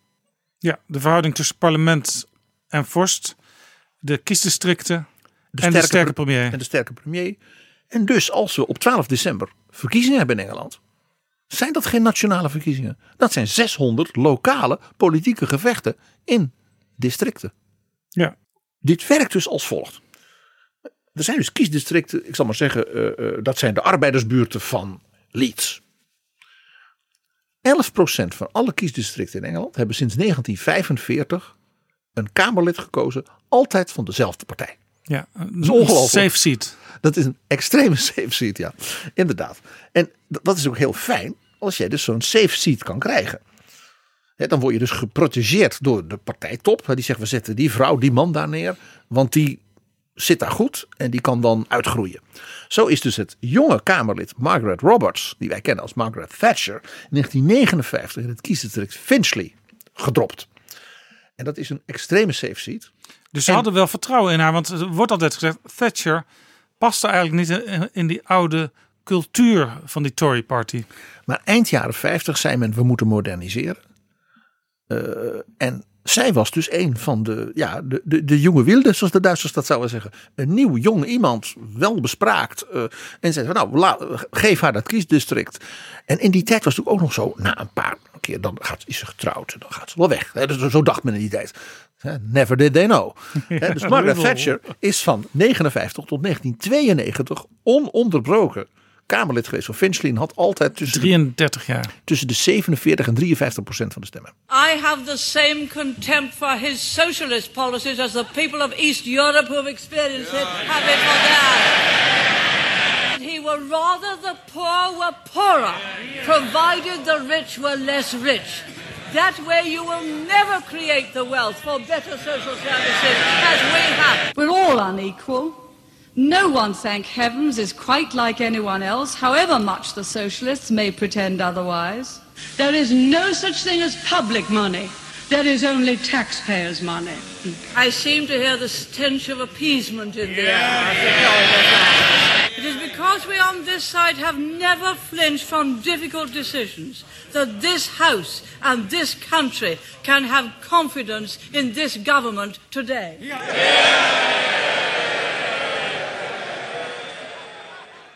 Dat was Margaret Thatcher in haar gloriedagen als prime minister. We gaan eventjes naar 1989. Toen kreeg ze een vraag van iemand die we nu heel goed kennen. Een jonge Labour backbencher. Lagerhuislid Jeremy Corbyn. Corbyn. Will the Prime Minister accept that 10 years ago, in 1979, there were 2,750 households in temporary accommodation in London? The current figure is over 25,000, and a further 2,000 people are sleeping on the streets. And that when her government asked the local authorities what resources they required to deal with the homeless problem in London, they asked for at least 480 million pounds. They were given less than one sixth of what they wanted. Does she not agree that people sleeping on the streets of our capital city, being charged exorbitant rents, and children being brought up in bed and breakfast hotels is a disgrace to a civilized country. Mr. Speaker, I announce very considerable extra expenditure to relieve homelessness. The honourable member will also be aware that there are considerable numbers of empty council properties, which if they were brought into use much more quickly, much more quickly, could reduce the number of homelessness. For example, in Islington, there are 1,162 empty properties. If these were turned around much more quickly, that would make a great contribution. That would make a great contribution to relieving the homelessness. Jeremy Corbyn is sinds 1983 de vertegenwoordiger van het kiesdistrict Islington North. Dus rode buurten, sociale woningbouw. Maar die is niet op de partijtop daar neergezet. Nee, die is door de lokale activisten neergezet. Want de partijtop vond hem altijd veel te extreem links. In 83 was natuurlijk de partijtop was nog Tony Benn en Michael Foot. En daar was hij een aanhanger van. Ah ja, natuurlijk. En hij was een van de jonge activisten. Ja, Michael Foot werd, werd als heel links gezien, maar die, tegenwoordig zou die een, een wonder van gematigdheid zijn vergeleken bij wat Jeremy Corbyn allemaal wil. Uh, zeker, zeker, zeker. Ik, bij Michael Foot moet ik altijd een beetje aan Bernie Sanders denken. Ook zo'n wat oudere, ja. Uh, wat, wat, wat, wat, wat, een wandelstok geloof ik ja, ook. Verstrooide meneer die. Ja. Ja. Nou, ik zie, ik heb ook enorme foto's gezien van Michael Foot met zijn wandelstok, een, een wollen trui aan. Tussen enorme boekenkasten, enorme stapels kranten, papier. Uh, ja, ik hou van dat soort uh, mensen, want je weet, het, het huis ze van, oriënteren zich op de wereld. Het huis van Michael Voet leek nogal op de, het huis van zowel Alexander van Humboldt als Max van Wezel. Ja, zoiets, ja. ja. Uh, Goede Max, ja. ja Voet was een buitengewoon begaafd schrijver. Hij heeft prachtige boeken geschreven. Het was eigenlijk heel jammer dat die man zo nodig de politiek in moest. Het was een hele goede journalist en een hele goede schrijver. Ja, dus er gaat soms een goede journalist verloren aan een politicus. Zo is dat, zo is dat. Nou, de echte strijd in Engeland wordt dus ook niet gevoerd om wie wint Finchley of wie wint Islington North. Die gaat om die districten, en dat is maar een beperkt aantal, waar het zeg maar 50-50 is. En waar het soms op het moment van het voorlezen van de uitslag tot groot verdriet leidt bij iemand die net nog vier jaar Kamerlid is geweest. En die dacht, waarschijnlijk red ik het nog wel. En je hoort dan ook, als dan de, als dan de, de returning officers, zoals dat zo mooi heet, hè, die dan de uitslag voorleest van uh, meneer uh, Mr. Johnson. Uh, 20.455 stemmen. Oh, niet al. Want dan denken ze, zijn aanhangers willen durven nog niet te juichen, want het is dan zo'n 50-50. En dan is het, en dan Mr. Peterson, en dan was het 19.800. En begint het gejuich onder de aanhangers van Johnson. Ja. Dat kennen wij niet. Nee. En dat zijn dus de, dat zijn dus zogenaamde marginal seats. En soms staat daar gewoon een jong iemand die dan de zetel wint van iemand die op dat moment nog de minister van Defensie is. Jazeker, jazeker. Jij weet precies wie we bedoelen, Michael Portillo. Ja, die bedoel ik. Juist, 1997. And now going up onto the podium for the declaration here in Enfield Southgate. Well, this is a, this Lance is a devastating blow for Mr. Portillo if it is true that he's lost this seat, because this was his one chance to take over the leadership of the Conservative Party, and he's blown it by losing his own seat. It must be a really tough, uh, a tough moment for him. The look on his face as he's been going around in the past few minutes before this uh, count has been extraordinary. He obviously knows that his chances of taking over Being now are very slim. for the Enfield Southgate constituency, held on the first day of May 1997, hereby give notice that the total number of votes recorded for each candidate at the election is as follows.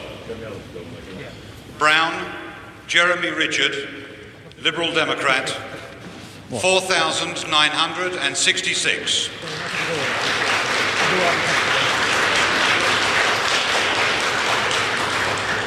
Luard, Nicholas Lammert, Referendum Party, 1,342.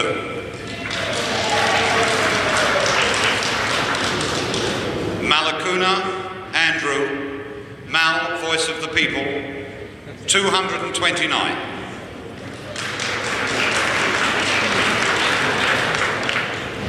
Portillo, Michael Denzel Xavier. Thank you, members. Conservative Party, 19,137.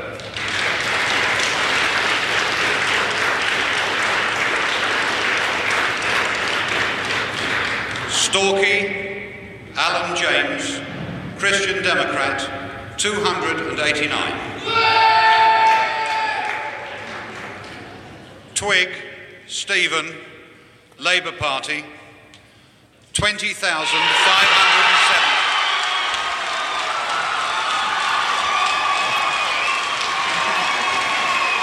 Well, look at the face of Gillian Shepherd listening to these results Thank coming ladies through, watching the screen. And John Ladies Redwood if in you Wokingham.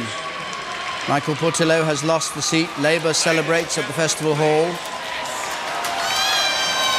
As the Thatcher favourite, one of the bastards in the cabinet, as John Major called him. He was accused of plotting last time for the leadership, is defeated by young Stephen Twigg. Duly elected Member of Parliament for the constituency. Die is toen overigens, eh, eh, zou je misschien kunnen zeggen, een goed journalist geworden. Want die zien we heel vaak op de BBC, zowel met reisseries als om commentaar te geven. En hij heeft, ik kan hem niet genoeg prijzen, deze Tory. Hij heeft een schitterende televisieserie gemaakt over het leven en het werk van Richard Wagner. Want hij is een groot Wagneriaan. Nou, er zijn in Engeland nu, op dit moment, 51 zetels. Waar het verschil tussen de winnaar en de rivaal, hè, die dus verloor, minder dan 2% is. Dus daar gaat het echt om elke stem. Ja, dit is dus echt ook leuk om op de uitslagen nacht een lijstje te hebben van die 51 zetels. Ja, eh, ik, ik, voor de luisteraars. Ik ga er even wat noemen. Let op het volgende. Eh, op dit moment, de Tories hebben kans dat ze de volgende drie kiesdistricten, als ze die veroveren, maar zo te zeggen, dan hebben ze een goede avond. Dan kun je oh, dan gaat het elders in het land ook weer. Dat is de stad Canterbury, van de beroemde kathedraal. Canterbury Tales. Ja, daar is het, het kiesdistrict Keighley. En heel interessant, in het hartje van Londen, echt de, binnenstad, dat heet Kensington, eh, dat kiesdistrict. Dat heeft de Labour Party gewonnen, omdat er een Tory-kandidaat was die een beetje met pijnlijk moest opstappen. En toen heeft een jonge Labour mevrouw met 20 stemmen verschil dat dus helemaal niet linksige kiesdistrict gewonnen. Dat was gewoon een afstraffing voor de Tories. En door tactical voting van de Groenen en de Lib Dems, die zijn allemaal op die jonge vrouw gaan stemmen. En de Tories die willen natuurlijk dit kiesdistrict, wat eigenlijk hun eigendom min of meer was al die jaren, dat willen ze dus terughalen. Dus als nou op die avond blijkt dat Kensington opnieuw niet naar de Tories is gegaan, dan weet je dus dat Boris Johnson waarschijnlijk geen goede avond gaat hebben. Nou, voor Labour heb je eh, de eh, districten Arfen, Pudsey en Southampton Itchen, dus de havenstad Southampton. Als ze die binnenhalen, die hebben ze de vorige keer verloren aan de conservatieven, net. Dus als ze die binnenhalen, dan weet je, ah, dus de mobilisatie van de Labour-kiezers is geslaagd. Dus let daarop. Heel interessant, in de tijd van mevrouw Thatcher was er altijd, men keek altijd naar één stukje in Engeland. Dat waren, wij zouden zeggen, de Vinex-wijken aan de rand van Londen, oost van Londen, dus richting de zee. Dat, was, dat, wat- dat heette Essex, middenklasse. En dat waren mensen ook vaak die dus de eh, sociale woningbouw, die Thatcher had laten privatiseren. Dus huurders konden eigenaar worden. Oh, en die wonen daar. En die woonden daar, was je, die had je heel veel daar. Want het waren dus soort Phoenix-wijken bij de, de, de, de, de, de uitbreiding van Londen in de jaren 60 en 70. En die mensen waren nu huiseigenaar geworden. En die gingen dus allemaal op Thatcher stemmen. Dus ze keken dan altijd of die klassieke sociale woningbouw eh, eh, kiesdistricten, die vielen ineens allemaal om naar de Tories. En als je dat weet, dan weet je ook dat in de rest van het land de Tories het waarschijnlijk ook wel goed zullen doen. Ja. Want de, de, de, de middenklasse die wat gestegen is, die kiest plotseling voor de partij die eigenlijk niet zo logisch is gezien de historie. De dus Thatcher, die dus ongekend drie verkiezingen achter elkaar, dus met grote meerderheid won, kwam, dat kwam dus daardoor. Ja, dan is natuurlijk nog één partij, de Lib Dems, die altijd eigenlijk het slachtoffer zijn van dat systeem. Want heel veel kiezers die op de Tories stemmen of op Labour stemmen, die zien die partij als een soort tweede optie. Als mijn eerste voorkeur ja, niet heel, het niet heel erg goed doet, of als ik denk, die moet ik eens een keer straffen, dan kan ik misschien op de Lib Dems stemmen. Vandaar dat de Lib Dems vaak bij tussentijdse verkiezingen van die afstrafverkiezingen dan zo'n district winnen en dan twee jaar later bij de algemene verkiezingen ze, ze die districten even allemaal kwijt zijn. Ja, en het kan dus ook zijn dat, dat, dat eh, een Tory of een Labour-kandidaat met zeg maar 35% van de stemmen toch de grootste wordt. En dat die Lib Dems dan bijvoorbeeld 20%, maar ja, die, komen, die komen dan nergens in. Wat je hier ziet in Engeland is een heel wezenlijk verschil in politieke cultuur. En dat is het gevolg dus van het kiesstelsel. En die traditie waar we het over hadden. Is dat de Britten dus geen typische middenpartijen kennen. Waar als het ware polder, consensus, het Rijnlandse model. Dat kennen ze niet. Voor mij is dat een van de wezenlijke verklaringen voor Brexit. De Britten snappen dat Europese polderen niet. Dat Rijnlandse. Ja, dat Helmut Kohl dan tegen Margaret zegt: Margaret, ik ben een echte Europeaan. Ik ben niet een kwaaie Duitser. Waarop Margaret Thatcher tegen haar staf toen zei: He is so German. Want zij vond het feit dat benadrukt dat je een echte Europeaan bent, dat vond ze helemaal niks. Nee. Dat bemiddelende, wat wij polderen noemen, dat, hè, dus dat de partijen in het midden het met elkaar moeten doen, dat kennen de Britten niet. Die mentaliteit, en dat is dus de, de Lib Dems, hè, de, de liberaal-democraten hebben dat geprobeerd. In de eerste jaren van Thatcher had je de Alliance partij. Die stond in de peilingen op 40, 50 procent. En toen kwamen de verkiezingen in 83. En ze Toen waren ze kregen, weg. ze kregen niks. Ja. Maar toch, eh, na Thatcher die vrij hardvochtig optrad tegen bijvoorbeeld de vakbonden, eh, kreeg je eh, toch bijvoorbeeld Tony Blair en later David Cameron, eerst Labour, toen conservatief, die wat meer een, een middenkoers probeerde te varen. En dat werd toen wel beloond in die tijd. Ja, maar dat had natuurlijk te maken met het feit dat het natuurlijk ontzettend goed ging met de economie. Dat heeft niks met, met polderen of zo nee, te maken. Nee, eh, Tony Blair. Was Er was geld, dus het kon, kon uitgedeeld worden. Tony Blair was natuurlijk de Golden 90s. John Major, de opvolger van Thatcher. Ja, die Ja, hele aardige man, ik heb hem wel eens de hand geschud. Ja, dat was- de Golden 90s. Cool Britannia. Nou, dit. Je ziet hier dus hoe, je ziet hoe dus die kiesdistricten, dat hele stelsel, dus ook door de cultuur, de politiek, de politieke cultuur van zo'n land bepaalt. Ja. En dan gaan we eens naar andere landen kijken op een vergelijkbare manier. Nog één vraag. Ja. Ik las ergens dat misschien zelfs wel het kiesdistrict van Boris Johnson gevaarlijk is deze keer. Eh, ja, dat geldt zelfs voor een heel stel eh, ministers.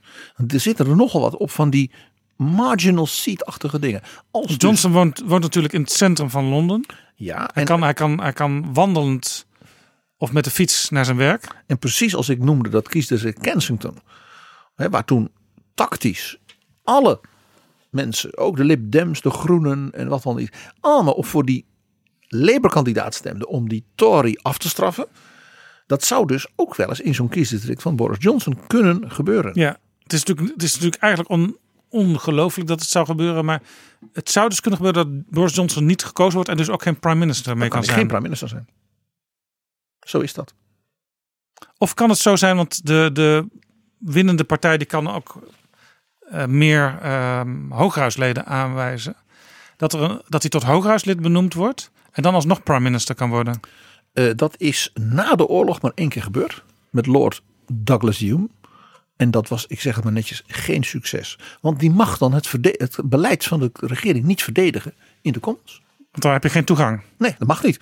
Dus dan heb je een, eh, weet het, dan heb je dus een eh father of the house, zoals dat heet. Dus de, de, de, dus maar de leider van de conservatieve fractie. Je moet dan namens die Ja. prime minister het beleid verdedigen. Dat wordt niks. Nee. Dat kon natuurlijk in de 18e eeuw een beetje nog wel.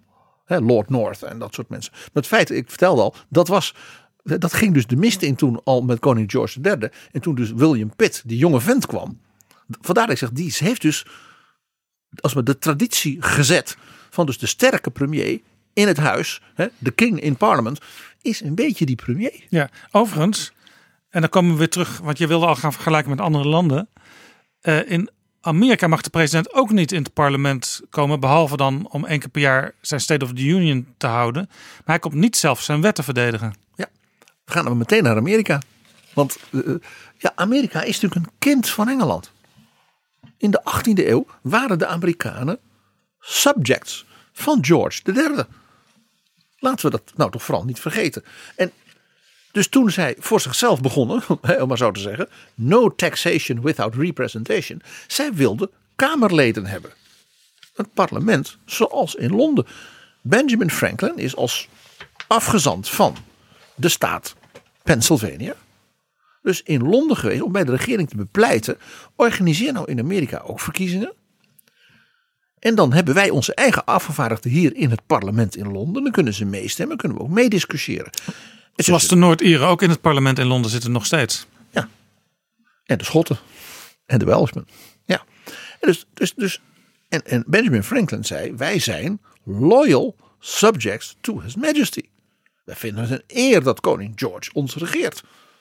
Dat vond hij, vonden ze ook echt. Het waren, ze voel- voelden zichzelf als trouwe Britse onderdanen. Dit was eigenlijk een makkie geweest om de Amerikanen erbij te houden. Maar ja, het parlement zei. Hè, het effect van de Glorious Revolution. Dit parlement is de soeverein. En u bent onderdaan. Net als die mensen in India. En mensen. En toen zeiden die Amerikanen: ja, wacht even. Toen was duidelijk dat Amerika nog steeds een, als een kolonie werd gezien. Ja, ja, en toen gingen ze ook nog wetten invoeren waardoor de koloniale, de Amerikaanse kolonisten, Britse onderdanen, dus extra belasting moeten betalen op bijvoorbeeld thee uit India, hè, die door Engeland werd ingevoerd. Dan moesten ze dus extra belasting op betalen, want daar konden de Engelsen hun oorlogen van betalen.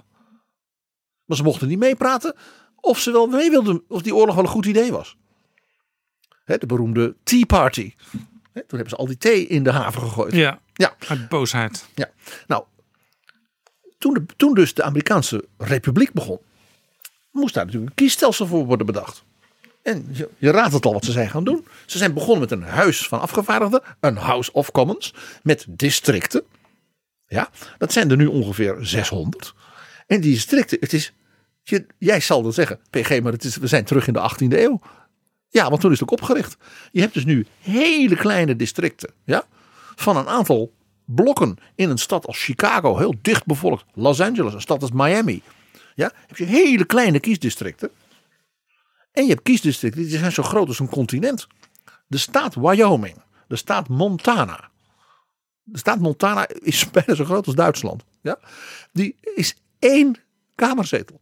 Want daar wonen zo weinig mensen. Maar dat is dus wel enigszins netjes gerelateerd aan het aantal inwoners. Beetje wel. Maar je krijgt hoe dan ook altijd, volgens de Amerikaanse kieswet, grondwet, dus één district. Je hebt één vertegenwoordiger in het huis. Ook al wonen er dus maar heel weinig mensen. En die andere, dus eh, Californië heeft er dan eh, eh, bijna 60. Maar dat is eigenlijk niet helemaal in verhouding. Nee, het wordt wel weer gecompenseerd door de invulling van de Senaat. Waar natuurlijk elke, elke Dat- staat twee leden heeft. Maar dat, dat is het tweede punt. De Senaat is natuurlijk typisch het House of Lords. De Senaat werd ook niet gekozen door kiezers. Pas sinds 1912 is er een rechtstreekse verkiezing van senatoren. Daarvoor waren het dus de, de great and the good. Dus de plaatselijke eh, eh, parlement. Hè, dus het parlement van de staat Wyoming koos dan twee senatoren voor Wyoming. Terwijl Wyoming maar één zeteltje mag hebben qua bevolkingsaantal in het huis. California, hè, als het een zelfstandige staat was, de achtste economie ter wereld, ja. heeft ook twee senatoren. Net zoveel als Rhode Island, hè, waar ook heel, bijna helemaal bijna niemand in Delaware. Hè, wat, en wat de- zo klein is. Dat, Overigens ook altijd de, de senior en de junior, junior senator. dat, is, dat heeft te maken met wanneer je gekozen bent. Ah ja, gewoon de oudste in jaren, die is de senior. Senioriteit van het aantal. eh, van het aantal jaren dat je dus verkiezingen dat je al hebt gewonnen. Nou, dus de, de Senaat is dus typisch een House of Lords. Ja, is bedoeld voor wijze mannen die dan nog een keer goed ernaar kijken. Dus dat House is gewoon herkenbaar de House of Commons. Nancy Pelosi, hoe heet zij? De Speaker. Ze heet niet de fractieleider. Ze heet de Speaker. Zo Brits 18e eeuw als Ja, maar kan. ze spreekt namens de Commons, zou je kunnen zeggen. Zo is het. En eh, eh, eh, in de Senaat heb je dus de wijze mannen, was het idee. Nou, sinds 1912 dan. 1912 pas, hè? Rechtstreekse verkiezing. En dan de president. Die president wordt dus net als in Engeland niet in een nationale verkiezing gekozen. Dat denken wij, omdat wij daar zo naar kijken. Wij zijn dat gewend vanuit Europa en de media. Iedere Amerikaan weet dat de president dat dat 50 separate regionale, lokale verkiezingen zijn. Elke staat in Amerika heeft zijn eigen verkiezing voor de president.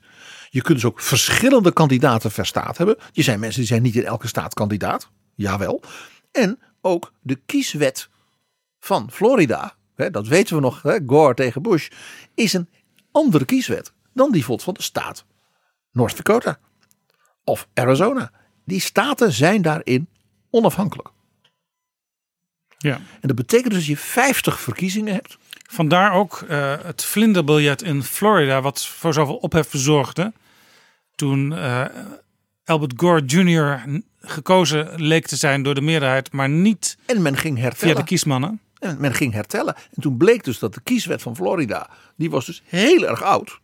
En gaf dus dat elke county in Florida zijn eigen kiesmethode mocht bepalen. Dus dan de ene straat moesten de stemmen, mensen stemmen met een potlood. De andere was er een machine. Weer een derde had je dan eh, een, drukmachine. Waar, dan, als hij het niet goed deed, kon je niet zien of iemand nou wel of Gore had gestemd of op Bush had gestemd. En dat was dus per county verschillend. Ja. Dus, in de, dus in de stad eh, Miami had je zeg maar zes verschillende kieswetten. Jawel. En er was ook een superambtenaar belast met de toezicht op de verkiezingen. En die was natuurlijk van de, in dat geval van de Republikeinse partij, waar de Democraten weer heel boos op konden worden. Sterker nog, dat was een vrouw die was benoemd door gouverneur Jeb Bush, de broer van de presidentskandidaat en de zoon van de vorige president. Jawel. Nee, dat is kortom. Dus de Verenigde Staten, dat kiessysteem waarvan wij altijd zeggen, ja, dat is heel apart. Dat zeg ik tegen jou en tegen onze lieve luisteraars. Nee, dat is het Engeland van de 18e eeuw. En de Amerikanen met hun Constitution of Philadelphia, die is heilig. Weet je wel, daar mag je nooit. Het Supreme Court moet ook kijken naar de original intent. Wat is er bedoeld in 1787? Die manier van denken is dus diep 18e eeuw. Ja, want ze vroegen, de Amerikanen vroegen dus eigenlijk al aan de Britten van, gun ons dat nou ook? En toen werd het ze niet gegund, en toen hebben ze het zelf maar gedaan. Ja, inderdaad. Nou, Nederland. Ja, want Nederland. Ik moet soms denken, als ik de oude Tweede Kamer zie, aan het Lagerhuis. Ik weet, we hebben hier ook een districtstelsel gehad. Ongeveer tot het algemeen kiesrecht werd ingevoerd. Maar daarvoor had je ook de afgevaardigden van Leeuwarden en van Dordrecht. En noem het allemaal maar op. Ja. Het spook van Hattem. Dat was Abraham Kuyper. Die zich dus in Hattem liet verkiezen. Nadat hij dus zijn verkiezing elders had verloren. Eh Torbekke, die dus het Kamerlid was voor Maastricht. Want de katholieken in Limburg, die waren allemaal natuurlijk tegen dat protestante gedoe. Die wilden meer vrijheid en zo. En die stemden dus allemaal liberaal. Ah, interessant. Ja, nou, de, ja, Nederland is natuurlijk een heel merkwaardig mengmodel. Wij hebben aan de ene kant een nationale verkiezingen. Met een sterk nationale, eenvormige eenheidsstaat. Dat danken wij natuurlijk aan de Bataven. De Franse revolutie geïnspireerd door de patriotten die zich de Bataven noemen. Ja, dat was een hele, eigenlijk een hele democratische periode. Kort duurde die, maar heel erg onder invloed van de Franse revolutie. Ja, en dus een parlement dat dus gekozen werd, nationale verkiezing, eh, had geen vergaderzaal. Dus ze namen de balzaal van de Oranjes, hè, waar de, de, de jonge Mozart nog zo mooi had gemusiceerd. Dat is wat wij de oude zaal van de Tweede Kamer noemen. Dat was de balzaal. Nou, daar vergaderden ze. En dat was dus totaal afwijkend van de republiek van de eeuwen daarvoor. Die dus particularistisch was. De elf steden in Friesland, die altijd, als het niet unaniem waren, dan was er geen besluit. Groot gedoe altijd in Friesland. Eh, de Staten van Holland, ja, die zeven provinciën die allemaal particularistisch ja, hun eigen ding doen. Typisch Nederlands. En dat werd dus afgeschaft. En je zou dus kunnen zeggen dat die eenvormige nationale uniformiteit van de Bataven, dat dat natuurlijk de late triomf was van koning Philips II. Hè, wiens politiek was de Nederlanden veel meer uniform maken. En daar was die opstand tegen. En toen deden ze het zelf, die gekke Nederlanders. Het is een raar volk. Nou, toen kwam eh, koning Willem I. En die nam dus die, zeg maar, uniforme eenheidsstaat natuurlijk onmiddellijk over van Napoleon. En van diens broer Lodewijk Napoleon. Ja, wel zo overzichtelijk. Ja, en hij was nu koning en dat was natuurlijk een autocraat. Maar dat particularisme in Nederland, dat begreep hij ook, daar moest je ruimte voor scheppen. Dus je kreeg dan wel kiesdistricten, een beetje zoals in Engeland. En natuurlijk onze eigen House of Lords. De Eerste Kamer, die dan ook vaak de Senaat wordt genoemd. Ja. En die dus door de Belgen, die dat allemaal onzin vonden van die Noord-Nederlanders, dat particularisme, hè, die waren voor die moderne eenheidsstaat, die noemden dat heel mooi, le ménagerie du roi.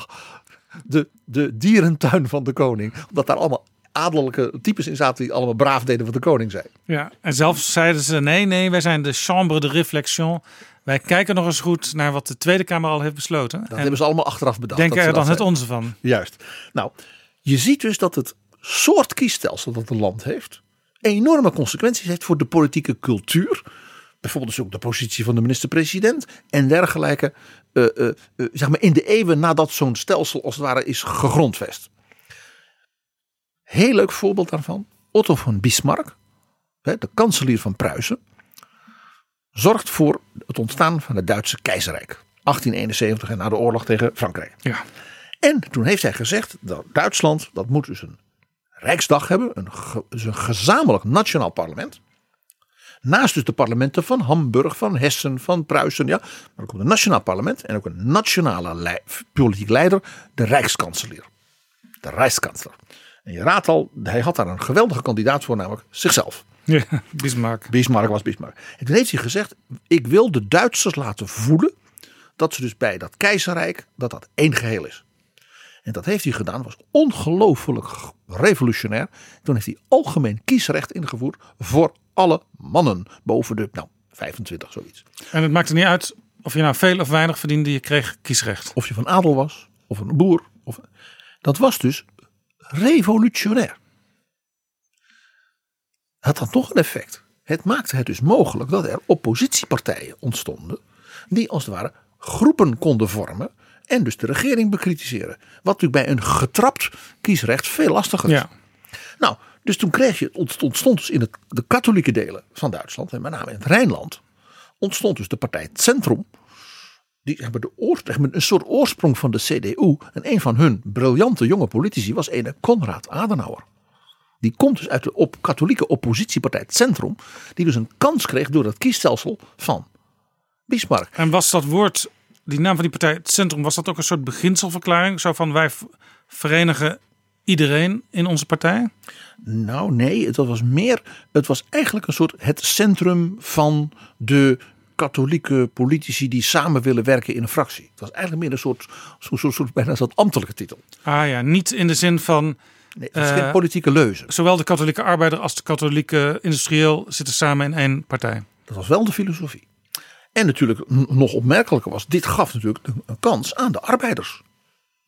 Want die konden dus stemmen op de SPD, hè, wat dus Ja. de SPD ook werd. Sociaal-Democratische Partij Duitsland. En die werd dus in, was in 1912 werd die dus met de allergrootste partij in de Rijksdag. Die kon net niet regeren, ze had net geen bondgenoten. Maar anders had dus in 1912 keizer Wilhelm II, dus socialist, als rijkskanselier moeten benoemen. En waarschijnlijk, eh, net als in Nederland, hadden ze ook moeite in die tijd nog met eh, bijvoorbeeld met een kleinere partij een coalitie vormen. Ja, ja. Maar dat is dus buitengewoon. Dus Bismarck heeft dus door het invoeren van dat algemeen mannenkiesrecht eh, als signaal aan de Duitsers, we horen bij elkaar en we gaan nu echt samen verder. Je mag ook nog stemmen op je plaatselijke, eh, in Hessen en overal, dat mag.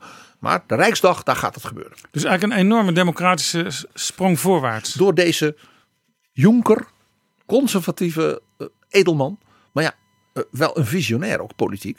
Maar het gaf dus ineens een democratiseringsgolf in de, in de decennia daarna. Die hij misschien helemaal niet bedoeld had. Want eh, liet hij ook peilingen doen voordat dat werd doorgevoerd? was hij niet bang voor een opstand? Kon in die tijd niet. Die meteen in het parlement zichtbaar zou nee, zijn? Nee, nee, nee, kon in die tijd niet. Nee, dat, eh, nee, dat is echt een. eh, eh, Dat was dus een waagstuk. Nou, een ander voorbeeld is natuurlijk Silvio Berlusconi, die elke keer als hij premier was, dan liet hij dus doorrekenen. Als ik nou het kiesstelsel een beetje aanpas, kan, kan ik dan bij de volgende verkiezingen een nog betere uitslag halen. Door dus wat te schuiven. Berlusconi heeft toen onder andere doorgevoerd dat de partij die de grootste fractie leverde, dan moest je stabiel kunnen regeren in Italië. Altijd een punt natuurlijk. Hij zei, om die reden heb ik besloten bij wet, en die wet werd ook aangenomen, dat dan de grootste fractie gewoon 50 zetels meer krijgt. Ja, wat nu in Griekenland ook nog eh, in de wet staat. Dat is dezelfde gedachte. Het vervelende voor Berlusconi was, ja, je hoort me al lachen. Dat heeft hij doorgevoerd. En toen bij de verkiezingen erop Won de tegenpartij. was een ander, was, was, was de Partito Democratico, die haalde zeg maar twee tiende procent meer stemmen dan de partij van Berlusconi. En kreeg er 50 zetels bij. En kon toen heel stabiel, lange tijd regeren. Ja. En dat hadden ze te danken aan Silvio Berlusconi zijn handigheidjes.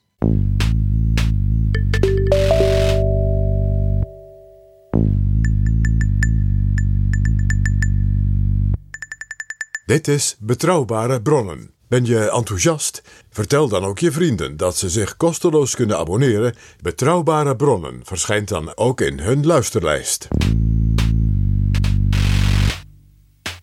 je ziet dus, het is een mengeling van sterk lokaal. Hè, dus je knokt in die districten om die zetel. Met eh, imperiaal. Die Amerikanen, die worden door ons vertegenwoordigd. Want wij zijn parlementslid in Londen. Die hoeven niet zelf te stemmen. Dus een imperiale opvatting. Met heel erg lokale strijd.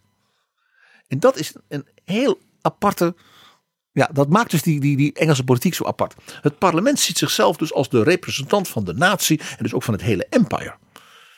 Dus dat, dat Gandhi en zijn aanhang zei: ja, wij willen als mensen in India, hè, honderden miljoenen mensen, wij willen ons zelf vertegenwoordigen. Dat hoeft helemaal niet, dat doen wij wel. Ja, nergens voor nodig. Net, net Benjamin Franklin en Gandhi maakten eigenlijk dezelfde ontwikkeling door.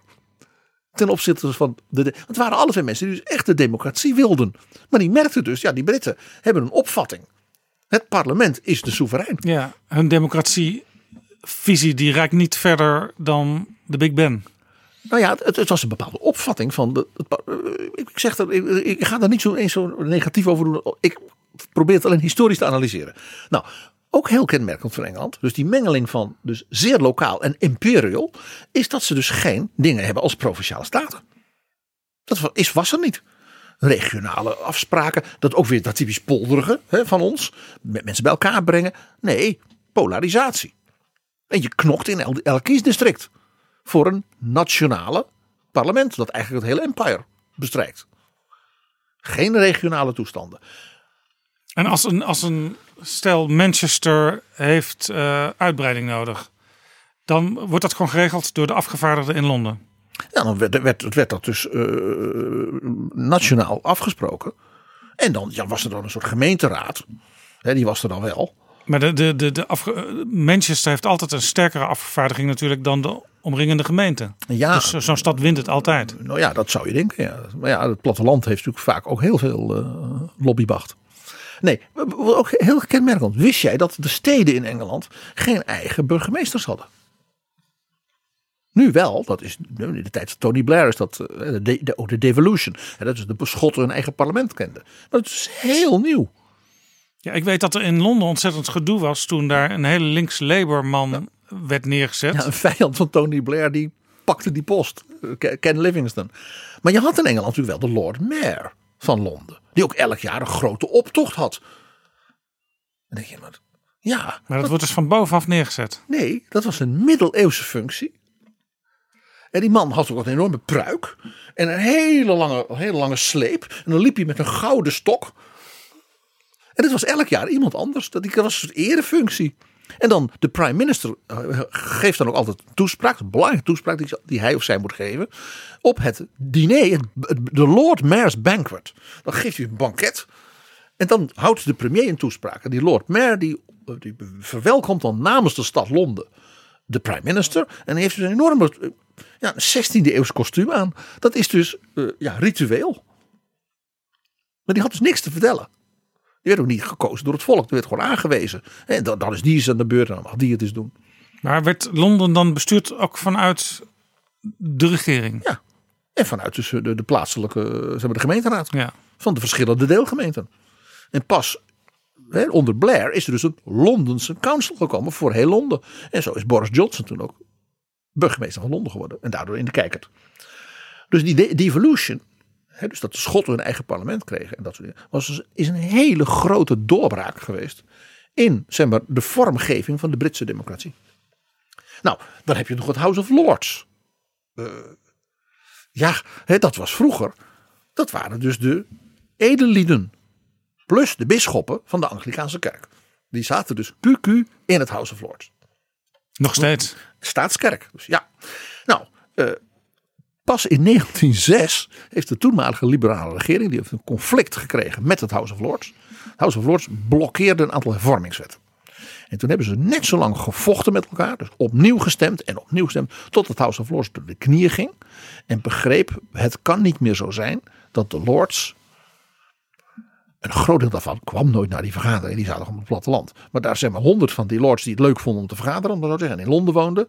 Dat die dus de wens van het gekozen parlement en de gekozen en de regering dus kunnen blokkeren. Maar dat is dus echt een soort constitutionele strijd geweest. Dus wij zouden zeggen de Tweede, Ka- Tweede Kamer en de Eerste Kamer. Ja. Dan is dus de House of Lords door de knieën gegaan. Die hebben gezegd wij mogen het wetsvoorstel afstemmen en tegenhouden. Als de premier opnieuw ja, daarmee komt. We hadden het al eerder over hoe vaak mag hij iets terugbrengen. Dat dan het House of Lords zich erbij neerlegt eh, dat de Commons eh, dit toch echt wil. Dus nog wel amendementen en zo indienen. Maar het, je kunt niet meer blokkeren wat de wens dan van de Commons is. En nou ja, een van de manieren om dus dat House of Lords eh, zeg politiek evenwichtig te houden. Is dus dat, dat is wel heel bijzonder. Dat is de regering, de premier, mag dus zelf lords en ladies scheppen uit het niets. Ja, dat is heel merkwaardig. Ja, ik vind het prachtig. Soms hoor je ineens, hey, die is eh, in de Lords terechtgekomen. Hij is benoemd. Ja, dat vaak oud-bewindslieden, maar bijvoorbeeld ook beroemde geleerden. Ja, of een popartiest zelfs wel eens. Ja, en, en, en, schrijvers. Eh, bijvoorbeeld, poli- nou, eh, ik zal maar zeggen, een man als Hans Prakke, een, een Max van Wezel, die zou in Engeland in de- naar het House of Lords gaan. Eh, Jaap Jansen, Lord Jansen, ik zie het helemaal voor me. Lord Jensen of East Park. Ja, ik, ik, ik vind, ik vind het wel wat hebben hoor. Ja, ik vind het wel. En jij met zo'n pruik op, dat zou ook wel kunnen. Ja. En eh, de, de hereditypeers, dat zijn dus de, nog steeds de zonen hè, uit de adel die dan nog actief zijn eh, in, eh, in het House of Lords. En dan nog iets wat wij in Nederland bijna nooit zien. Er is nog een aparte soort afdeling in het House of Lords. Dat zijn de Law Lords. Dat zijn dus grote juristen. Ja, rechters en dergelijke. En die moeten op belangrijke momenten recht spreken. Ja, die worden dus benoemd in het House of Lords. En vormen dan de Law Lords. En die vormen in feite een hoge rechtshof. Hoe wordt die groep van lowlords samengesteld? Dat wordt door de regering. Die draagt dus die ge- geleerden voor. En dus als er dan een Tory-geleerde, eh, bijvoorbeeld uit van Oxford, eh, een briljant jurist wordt benoemd, dan moet de regering ervoor zorgen dat ze niet bijvoorbeeld nog zeven andere Tories. Dus dan moet er ook nog een, zeg maar, een Lib Dem en misschien een wat linksere jurist. Dat, dat, dat evenwichtspel, en dat wordt achter de schermen natuurlijk Ja, eh, gedaan. dus niet zoals het in Amerika is dat de president alleen maar mensen van zijn eigen partij benoemt. Ja, precies. Wat overigens in de Amerikaanse geschiedenis helemaal niet zo is, maar dat gaan we Nee, een andere keer dat is een misverstand ook. Ja. Nou goed, en dan ja, de debatcultuur waar wij natuurlijk in Nederland vaak dan zo jaloers op zijn. Hè? John Burke al. Order! Order! Mr. McNeil. You are an exceptionally boisterous fellow, and in the course of your boisterous behaviour, uh, you appear to be chewing some sort of gum. A very eccentric contact. I mean, I have great aspirations for you to be a statesman, but I think your apprenticeship still has some distance to travel. Mr. Stephen Gethin. Order! Order! My expectation is that the Secretary of State will speak relatively early in the debate. There's no order. There's no need for the honourable member for Dewsbury to chunt a ahoy there from a sedentary position. Very, very eccentric behaviour. It's not the, not the sort of thing I would ever have done as a backbencher, I feel sure. Anyway, we'll leave it there, but I, I welcome the Secretary of State. Prachtig vinden we dat.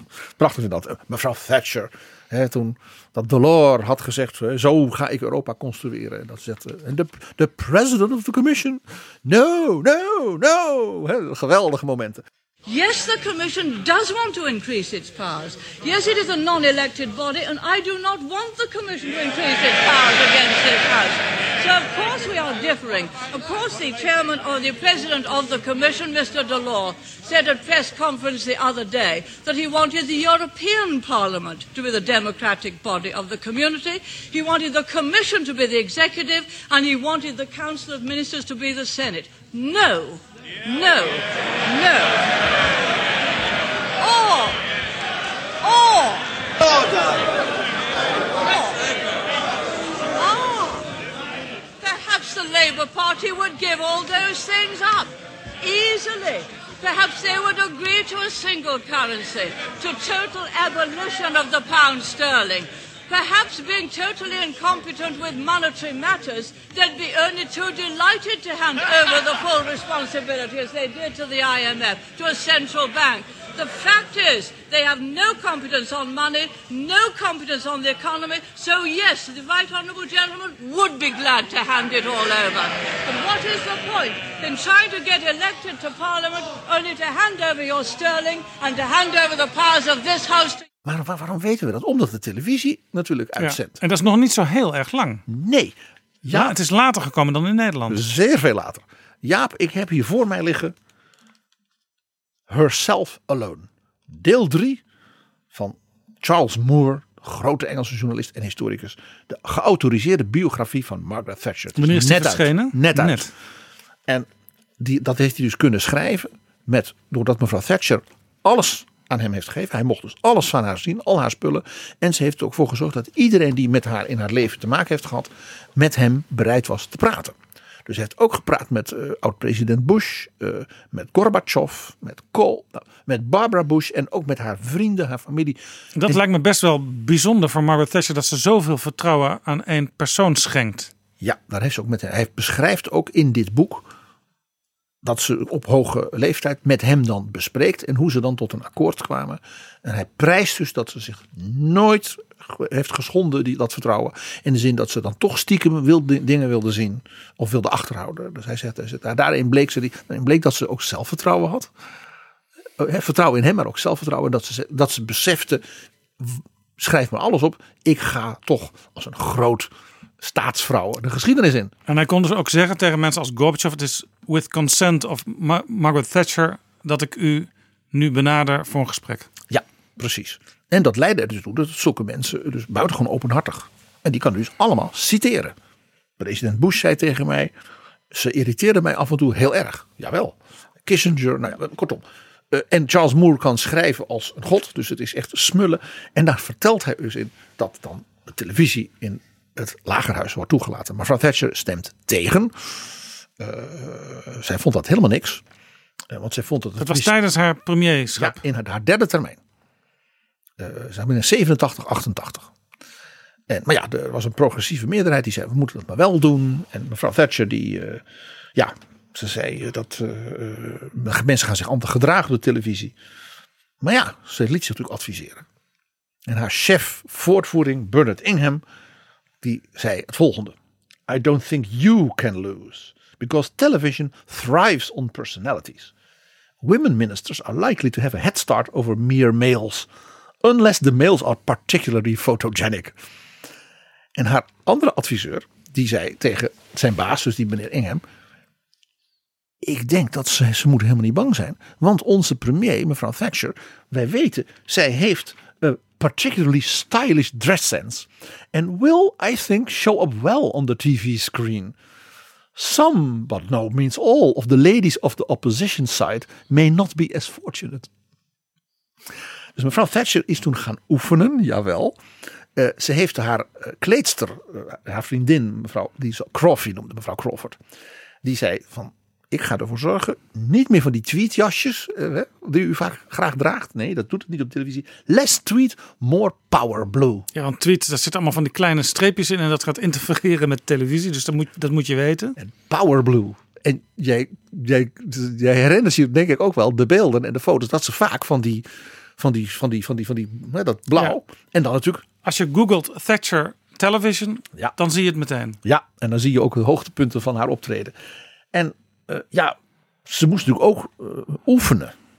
Dus er is, lach niet, heeft een keer s'avonds stiekem, met behulp van camerateams, is ze dus in het parlement gaan oefenen op Prime Minister's Questions. Van hoe ze dat dan goed doen, hoe ze moest staan. En toen had ze dus een van haar assistenten meegenomen. En die moest de oppositieleider eh, Neil Kinnock spelen. en die moest dus, eh, dat moest hij heel goed doen. Want zij moest dus zien hoe ze dan Neil Kinnock live op tv. En hij moest dus ook de ergernis bij haar kweken die ze bij Neil Kinnock in het echt ook heeft. En zij moest dus leren dat ze dus niet te fel en te scherp, te shrill, zoals ze dat zeiden. Want een vrouwenstem gaat dan de hoogte in. Dus ze moest oefenen om die smooth. En, eh, en Neil Kinnock was zelf ook eh, onzeker. Dus die heeft toen voor elkaar gekregen dat Thatcher en hij samen bij een echt debat dus dat hebben gefilmd. En dat de BBC dat niet uitzond, maar de videocassettes aan hen hebben gestuurd. Zodat ze konden kijken, doe ik het wel goed en heb ik wel goed geoefend. Maar ik kan me voorstellen dat de BBC wel een kopietje heeft bewaard. Eh, Charles Moore, die heeft daarnaar gezocht en die heeft hem niet gevonden. Nee, dat is ook het heerlijk als je de auteur van zo'n boek bent. En toen zei de premier van Canada, Brian Mulroney, daar werd het al heel lang het uitgezonden. En die heeft toen Margaret Thatcher een brief met tips gestuurd. En ook die brief heeft hij te pakken gekregen. Dat is natuurlijk heerlijk. Hè? En die, ik, schreef, ik lees even voor. You must not try to win every round. On television, you win by not losing. Too high a decibel count is lethal. Show your human side to viewers. The occasional acknowledgement of error. Some good humor. An engaging smile. They're all very helpful. Waarop eh, Charles Moore dan onderschrijft. Mevrouw Thatcher heeft die brief, die, deze passages, dames en heren, die fel onderstreept. Hoewel, zegt hij, het toegeven van fouten maken niet haar meest opvallende kenmerk was, heeft ze er echt veel aan gehad. Ja, interessant, want ik hoor altijd van eh, toneelspelers die voor het eerst in een film gaan acteren, dat ze eh, heel anders moeten handelen dan op toneel. Op toneel moet je het aanzetten, want anders ho- horen en zien de mensen op de achterste rij niet wat je bedoelt. Letterlijk uitvergroten. En in de film moet je inderdaad klein spel spelen. André van Duin ha- had daar bijvoorbeeld moeite mee toen hij in het geheime dagboek van Hendrik Groen ging spelen. Want een klein, klein beetje met je oog knipperen kan al heel veel betekenend zijn eh, op televisie of in een film. Ja, dus, dus, dus zulke parlementaire debatten, eh, eh, zeker al, in die Britse traditie, met die grote retorische traditie, eh, eh, dat is iets heel aparts. Dus, dus als je daar heel goed in bent, mevrouw Thatcher bleek dus een ster. Ja, die arme Neil Kinnock had ook nog het nadeel dat hij er vaak van achteren werd gefilmd. En hij had, was natuurlijk, had een kale kop. Ja, echt Dus- zo'n zo'n zo'n zo'n glanzend voorhoofd. Ja, en dan, dan, dan, en dan, dan zweette hij. En dan werd het helemaal niet echt heel appetijtelijk. En mevrouw Thatcher in haar powder blue hè, eh, eh, eh, mantelpakje. Met natuurlijk de pearls. Hè, de pearl stay. Ja, de parels. Want die had ze van de man gekregen. Dus bleef die parels die bleef ze dragen. Ja, ja, maar dat was wel heel, heel... Daardoor was Thatcher dus heel herkenbaar. Heel eigen. Ja, ja, eigenlijk zou zo'n man als Kinnock, eh, en het geldt voor heel veel mannen natuurlijk, eh, gesminkt moeten worden voordat hij het parlement betreedt. Want er staan televisiecamera's en als daar licht op jouw kale voorhoofd schijnt, is het geen gezicht. Zoals Silvio Berlusconi altijd gesminkt is. Maar die is zelfs gesminkt als hij in bed ligt, denk ik. Daar, daar ben jij niet bij. Maar dus mevrouw Thatcher die maakte dus van dat televisiegebeuren eh, een show. Dat bleek ze dus naturel te hebben. En eh, ze kreeg dus toen, toen dat eenmaal begon, ja, die uitzendingen, kreeg ze dus heel veel fanmail uit Amerika. Want C-SPAN, het politieke kanaal van Amerika, zond dus die Prime Minister's Questions uit. En vaak natuurlijk ook live, want de tijdzone is totaal anders daar. En het werd dan vaak herhaald de volgende dag met commentaar. En Thatcher had dus miljoenen fans in Amerika die dus echt speciaal daarvoor naar die debatten keken. Want die genoten van dat Engels. En nu begrepen de Amerikanen ook nog beter waarom Ronald Reagan zoveel waardering voor haar had. Die zo dol op er was. De acteur Reagan zag natuurlijk in haar ook een, eh, ja, een natural. En de Amerikanen vonden natuurlijk dat, ja, dat, dat, dat, hè, die vrouw die daar zo krachtig. eh, Hè, het- het- Tussen al die mannen. Tussen al die mannen. Against socialism. Ja, dat vonden ze prachtig. En eh, hè, tegen Delors. No, no, no. Hè, prachtig. Dus zij kreeg een enorme fanbase in Amerika. Dus toen zij weg was als premier, heeft zij daarna dus echt geld verdiend door tientallen speeches overal in Amerika te houden. Ze werd zelfs de soort erevoorzitter van een hele belangrijke universiteit in Amerika. Dan moest ze één keer per jaar een speech daar houden. Daar kreeg ze een smak geld voor. Want zij was dus een tv-ster in Amerika onder mensen met belangstelling voor politiek. Ik vind dat- Prachtig. Ze, prachtig. ze, ze, ze wilde dus geen tv in het Lagerhuis, maar ze werd de grote ster. En ze, het werd haar verdienmodel. In haar, toen ze gepensioneerd was als minister-president. Dat is toch boeiend. Nou, eh, waar komt dit vandaan? Ik zie drie bronnen zeg maar, in de Britse cultuur. Zeg maar, die, die, die zeg maar, de voedingsbodem zijn voor ja, deze aparte manier van debatteren en van politiek bedrijven. Ja, dat speechje Ja. met veel bombarie je punt maken. En met humor en met scherpte en met ja, en to the point ook kunnen zijn. Ja, en vaak kort. ook nog een afmakertje helemaal aan het einde, waardoor je definitief het pleit hebt gewonnen. Ja, en waarom, waardoor je met die, dat, dit, dat zinnetje die avond in het nieuws bent. Of in de kranten. Dat komt door twee aparte dingen die eigenlijk heel erg Brits zijn. Ten eerste die typische elite kostscholen. Jongens, vooral. Ja, die al heel jong vaak van huis worden gestuurd voor een heel jaar. En daar leer je verbaal overeind blijven. Daar hebben ze ook wedstrijden, debat, ja, eh, eh, gedichten uit je hoofd leren. Churchill, die gewoon ongeveer de hele Engelse poëzie eh, eh, uit zijn hoofd leerde. Dat is dus heel kenmerkend voor die scholen. Dus dan kun je ook prachtig citeren. Dan citeer je Robert Burns, dan citeer je. Dus dat wordt daar. En een tweede, ze hebben sociaal verband, zoals die kostscholen. Wat in Engeland dus in hoge mate bepalend is voor dus die politieke stijl. En dat zijn de methodistische kerken. Dus niet de Anglikaanse kerk, maar de wat zwaardere, eh, bevindelijke protestantse kerken. Die ook in Schotland en zo tegenkomt. Vandaar Dus, ook- dus de kerken waar het woord ook heel belangrijk was. Juist, en waar men in de jongelingsvereniging, net als bij ons, bij de gereformeerden, de ARP en zo, je leert debatteren over principes en over de Bijbel en over de samenleving. Vandaar dat je ook vaak zoveel van die grote Schotse politici hebt. Ja, vaak ook bij Labour. Maar die komen bijna allemaal dus uit die wat zwaarmoedige, eh, Gordon Brown, typisch voorbeeld, wat zwaarmoedige man ook. Maar zeer gedegen, ja, eh, eh, en, en zeer krachtig in het debat. Dus dat is de elitescholen zeg maar, voor de, nou ja, de happy few, de halve adellijke jongeren. En zeg maar de gewone man, de arbeiders, de mensen van, met alleen maar lagere school. Via de methodistische kerken. En het tweede is natuurlijk vanuit die elitescholen gaan die jongens dan als ze heel intelligent zijn naar Oxford en Cambridge. Geen wonder dat ze daar dus allemaal van die debating societies hebben. Want dat heb je al geleerd op Eton en op Harrow. En de beste daarvan, ja, die worden dan natuurlijk de voorzitter. En zo heb je de Oxford Union, waar die studenten. hè, Onlangs was Theresa May daar om met die studenten in debat te gaan. Zij krijgen echt de beste mensen uit heel de wereld. En Die vinden het ook een eer om er te mogen komen. Absoluut, absoluut. En eh, eh, heel leuk, op dit moment is daar de verkiezing van een nieuw bestuur van de Oxford Union. En eh, jij kent hem, ik ken hem ook als mijn jonge vriend Simon van Teutem. En die is kandidaat bij Jonge Nederlander. Dus Simon, zet hem op. Tweede grote cultureel, cultuurhistorische traditie is natuurlijk de retoriek van het theater. De Engelse theatertraditie, Marlowe, Shakespeare. Ja, in die Shakespeare eh, De Koning, die dan zo'n prachtige toespraak Ja, het houdt. leeft ook in Nederland, want eh, elke groot Nederlandse acteur die wil graag Shakespeare spelen. En dat is, dat is een zeer grote, hè, grote rol. Julius Caesar, Hendrik V, hè, voor- voor God, voor Harry en voor Engeland. Ja, en, en ja, dat, dat, dat zet dus letterlijk en figuurlijk de toon van je, hoe je mensen moet overtuigen. Eh, eh, het was natuurlijk niet voor niks dat een man als Churchill, eh, natuurlijk do- door ook wat ik zeg, die, die scholen, ook die scholing die hij dus had gehad, en ja, die retorica als groot acteur zo beheerste. En natuurlijk wat ook erg Brits is, die liefde voor het verleden. Je verwijst naar grote voorbeelden, dus die citeer je. Dan, dat is iets wat wij dus ook bijna in Nederland niet zo doen. De Britten wel. Ja, dat vinden ze prachtig.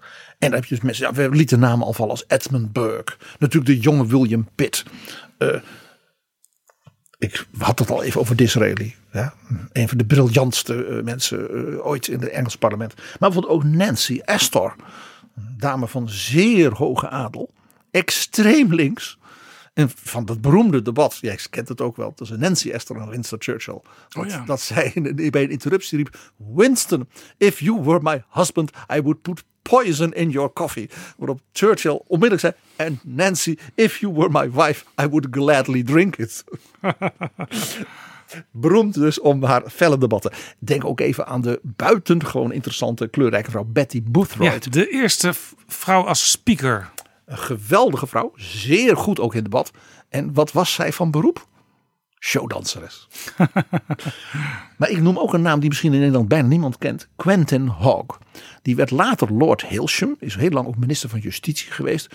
En was een van de meest briljante intellectuele sprekers. Als die een verhaal hield over staatsrecht. Nou dan kon je een speld horen vallen. En natuurlijk een hele excentrieke figuur. Zoals in Engeland. Is wel vaker. En natuurlijk ja, Winston Churchill. Maar we hebben het natuurlijk met Andrew Roberts.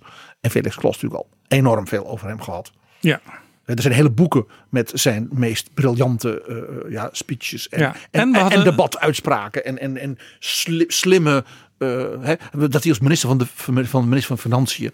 dat hij dus de, be- de belasting verhoogde op sterke drank. Waar dus de hele House of Commons toen hij dat moest verdedigen. zat helemaal vol. Want ze dachten allemaal. we gaan al interrupties plegen. van wel, eh, is die cognac die jij zo graag drinkt. En, want, iedereen wist dat hij een innemer was. En hoe, weet je hoe Churchill dat debat won? Door niets te zeggen ging staan. Hij pakte het glaasje water bij het spreekgestoelte. Dronk het, trok een heel vies gezicht. En zei: Mr. Speaker, this is only to show you that I can drink it.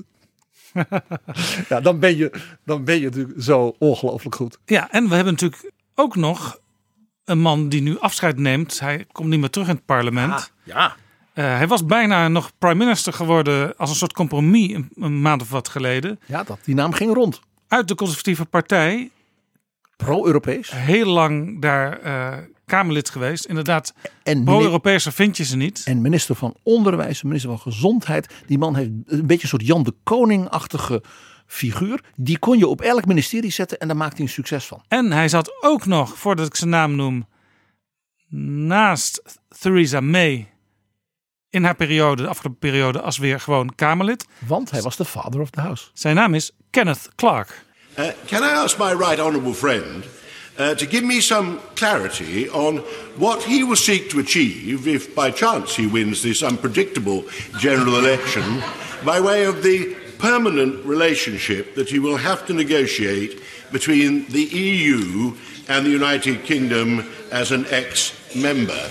Uh, in the years of negotiation that he will have to undertake, will he seek to ensure that we maintain trade and flows of investment between the whole of the United Kingdom and the European Union that are free of tariffs, free of custom controls, largely free of regulatory distinctions. Indeed, as near as possible to the single market and the customs union that we're in.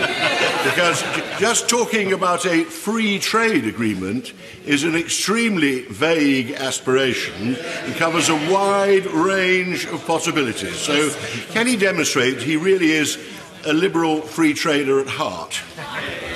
Uh, indeed, Mr. Speaker, and uh, as he knows, the advantage of the, uh, the, the partnership that we will build is that not only will we have zero tariff, if, if uh, as I'm sure they will, if the talks go well, we'll have zero tariff, zero quota arrangement with our European friends and partners, but we will also, under the current deal, which is a fantastic deal, we will be able to do free trade deals around the world, uh, Mr. Speaker. And there will be there will be many ways in which, of course, uh, we will stay very close with our European friends and partners. Many, many ways in which we will stay close, but there will be also be important ways in which we may seek to do things differently and better. I've already mentioned animal welfare. I might mention tax breaks for new technology. I might mention cutting uh, VAT on sanitary products. I might mention free ports, Mr. Speaker. There are all sorts of ways. I might mention uh, different uh, regulation on biotechnology or many of the areas in which this country now leads the world. That is the opportunity for our country to do a great free trade deal with our European friends and partners of a kind of which I'm sure my right honourable friend would thoroughly approve, but also to be a champion for free trade around the world. And that is what we're going to do. As the father of the house leaves this place after 49 years without interruption, I, for one, want to salute him. The right honourable and learned gentleman is one of the most popular and respected politicians in our country. For his service to this place, for his service to his constituents, and for his service to our country, he deserves the warmest appreciation. For my part, I thank him for his support and friendship over decades. The Right Honourable and Learned Gentleman, as I think most sensible people know, whether they agree with him or not, is a great man. Kenneth Clark heeft zeer recent schitterende memoires geschreven. En Jaap, hij staat bij mij op het lijstje namen voor betrouwbare bronnen. Iemand die we eens te gast moeten zien Eén keer een uur met Kenneth Clark. Dat is een beetje zoals het gesprek wat we met een Peter Altmaier hadden. Dat weet je, dat is oh, Elmar Brok. Ja, dat als je weet, dan weet je, dan heb je een episch gesprek. En, en het gekke is, en een humor. het gaat ons nog lukken ook, PG. Want je noemt die namen, dat is ons al gelukt. Kenneth Clark, Komt zeker in betrouwbare bronnen. Ik bedoel, Elmar Brok was toch ook even dat. Ik ben er nog steeds, mag je, dat weet je best, Jaap. Ik ben er nog steeds een beetje trots op dat, dat mij dat met één appje, hè, dat weet jij, is gelukt. Dat we de mededeling kregen dat die mevrouw die hem ondersteunde, dat die zou mailen. Er luisteren nu een aantal Britse vrienden die zelfs naar onze Nederlandstalige gesprekken luisteren. Zeker. En die zullen ons zeker proberen te helpen. Nou, wat we hier dus zien is dat je historie en cultuur met diepe wortels, dat je die nodig hebt om de actualiteit en zelfs de toekomst te kunnen vatten. Dat je begrijpt waar komt dit vandaan? Waarom zijn mensen zo? Waarom doen mensen zo? Waarom handelen ze zo? Dat kan alleen maar als je dus je kunt verdiepen in de historie en de cultuur van een ander, ook van andere volken, maar ook van je eigen politiek. Ja. En dat hebben we deze week in een gesprek dat jij had over de Belastingdienst. Een uitermate relevant en actueel voorbeeld van gehoord. Pieter Klein van RTL, die zei op een bepaald moment tegen jou: Ja, typisch voor de Nederlandse politiek, dan hebben we een toverformule. Dan wordt gezegd: Ja, we moeten nu naar de toekomst kijken. Uh, ja, we, ja, we gaan wel leren, maar we moeten naar de toekomst kijken. En hij zegt, en daarmee wordt dan als het ware het verleden zo snel mogelijk uh, achter het gordijn gedrukt. En toen gebruikte hij de term: ons parlement is als het gaat om dus analytisch kijken naar het verleden. Wat zouden we beter kunnen doen? Verbazingwekkend non-actief. Ja, dus er worden fouten gemaakt. Uh, Oké, moeten we niet meer doen, snel vergeten. Mensen maken fouten, dat is geen schande. Maar proberen te leren van die fouten, dat zit er dus blijkbaar te weinig in. En reflectief. De chambre de réflexion zou wat meer reflexion mogen doen, als het ware. Ja. En toen zei uh, Jurgen de Vries van de Bond van Belastingbetalers, die kwam eigenlijk met een heel concreet voorbeeld van hoe het wel zou kunnen en moeten. En die zei: Kijk nou bij die Belastingdienst naar een eerdere situatie waar een grote uitvoeringsorganisatie volkomen door de hoeven zakte.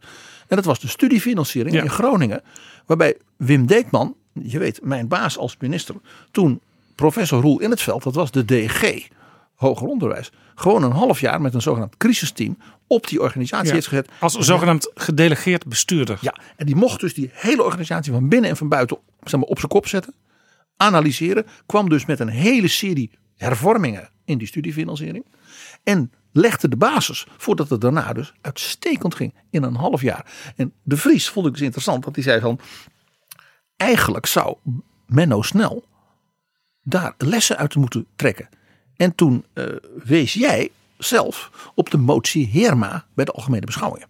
Waarbij CDA-fractieleider Heerma, een motie gesteund door bijna alle collega's, fractievoorzitters, zei wij moeten kijken naar de oorzaken waarom dus een aantal van die grote uitvoeringsorganisatie, dat het daar zo moeilijk gaat. Dat Ja. daar zoveel gedoe is. Ja, en dus, en dus wel kijken op de manier die Pieter Klein ook aanbevoel. En, en het interessante is dat die motie, daarvan denk ik dan, is dat nou een motie naar de regering? Moet de regering dat doen? Nee, dat moet natuurlijk het parlement doen. Het parlement moet, zoals Pieter Klein dus zei, dus niet non-actief zijn. Maar als het ware zeggen, wij gaan dus een aantal van die ervaringen bij elkaar brengen. En kijken welke belangrijke, zeg maar, wetten er onder die problemen zitten. Heeft dat te maken met dat die ambtenaren als mens niet deugen? Dat denk ik niet. Heeft het te maken met dat de, dat, ze hebben de complexiteit van de digitalisering volledig is onderschat? Heel veel overheidsorganisaties eh, zijn er helemaal niet goed in met die digitalisering. Dat heeft oorzaken. Analyseer dat dan eens. Toen dacht ik dus, toen ik dat hoorde. Het eerste wat ik zou doen was professor Roel in het veld erbij halen. Hij is nog altijd vlijmscherp. Een hele scherpe man. Eh, laat die eens reflecteren op zijn lessen. En bijvoorbeeld ook Uri Rosenthal, collega van hem bij de School voor Openbaar Bestuur, die dat crisisonderzoekteam had van hoe, kom, hoe kun je crisis helpen oplossen. Zulke mensen moet je gewoon eens aan het werk zetten als parlement. Nou, dat, dat- dit moest ik even kwijt.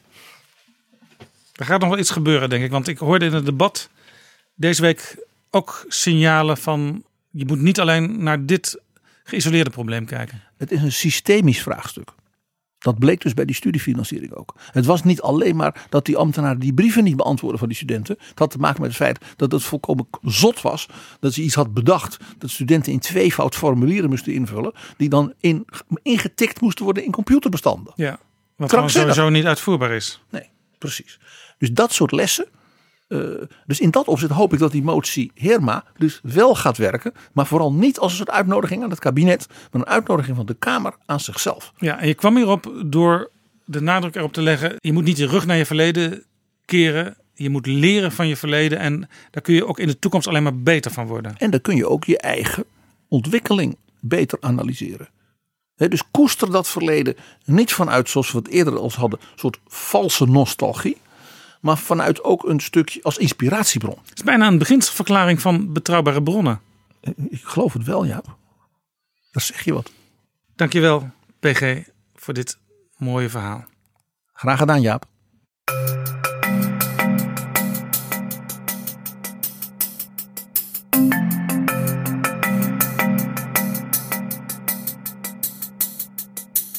Zo, dit was weer een extra lange conversatie met onze eigen PG Kroeger.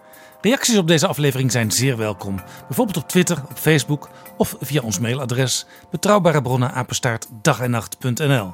Heb je belangstelling om te sponsoren of te adverteren? Mail dan aan Flip Kilian Adams via flipapenstaartdagennacht.nl. Tot volgende keer.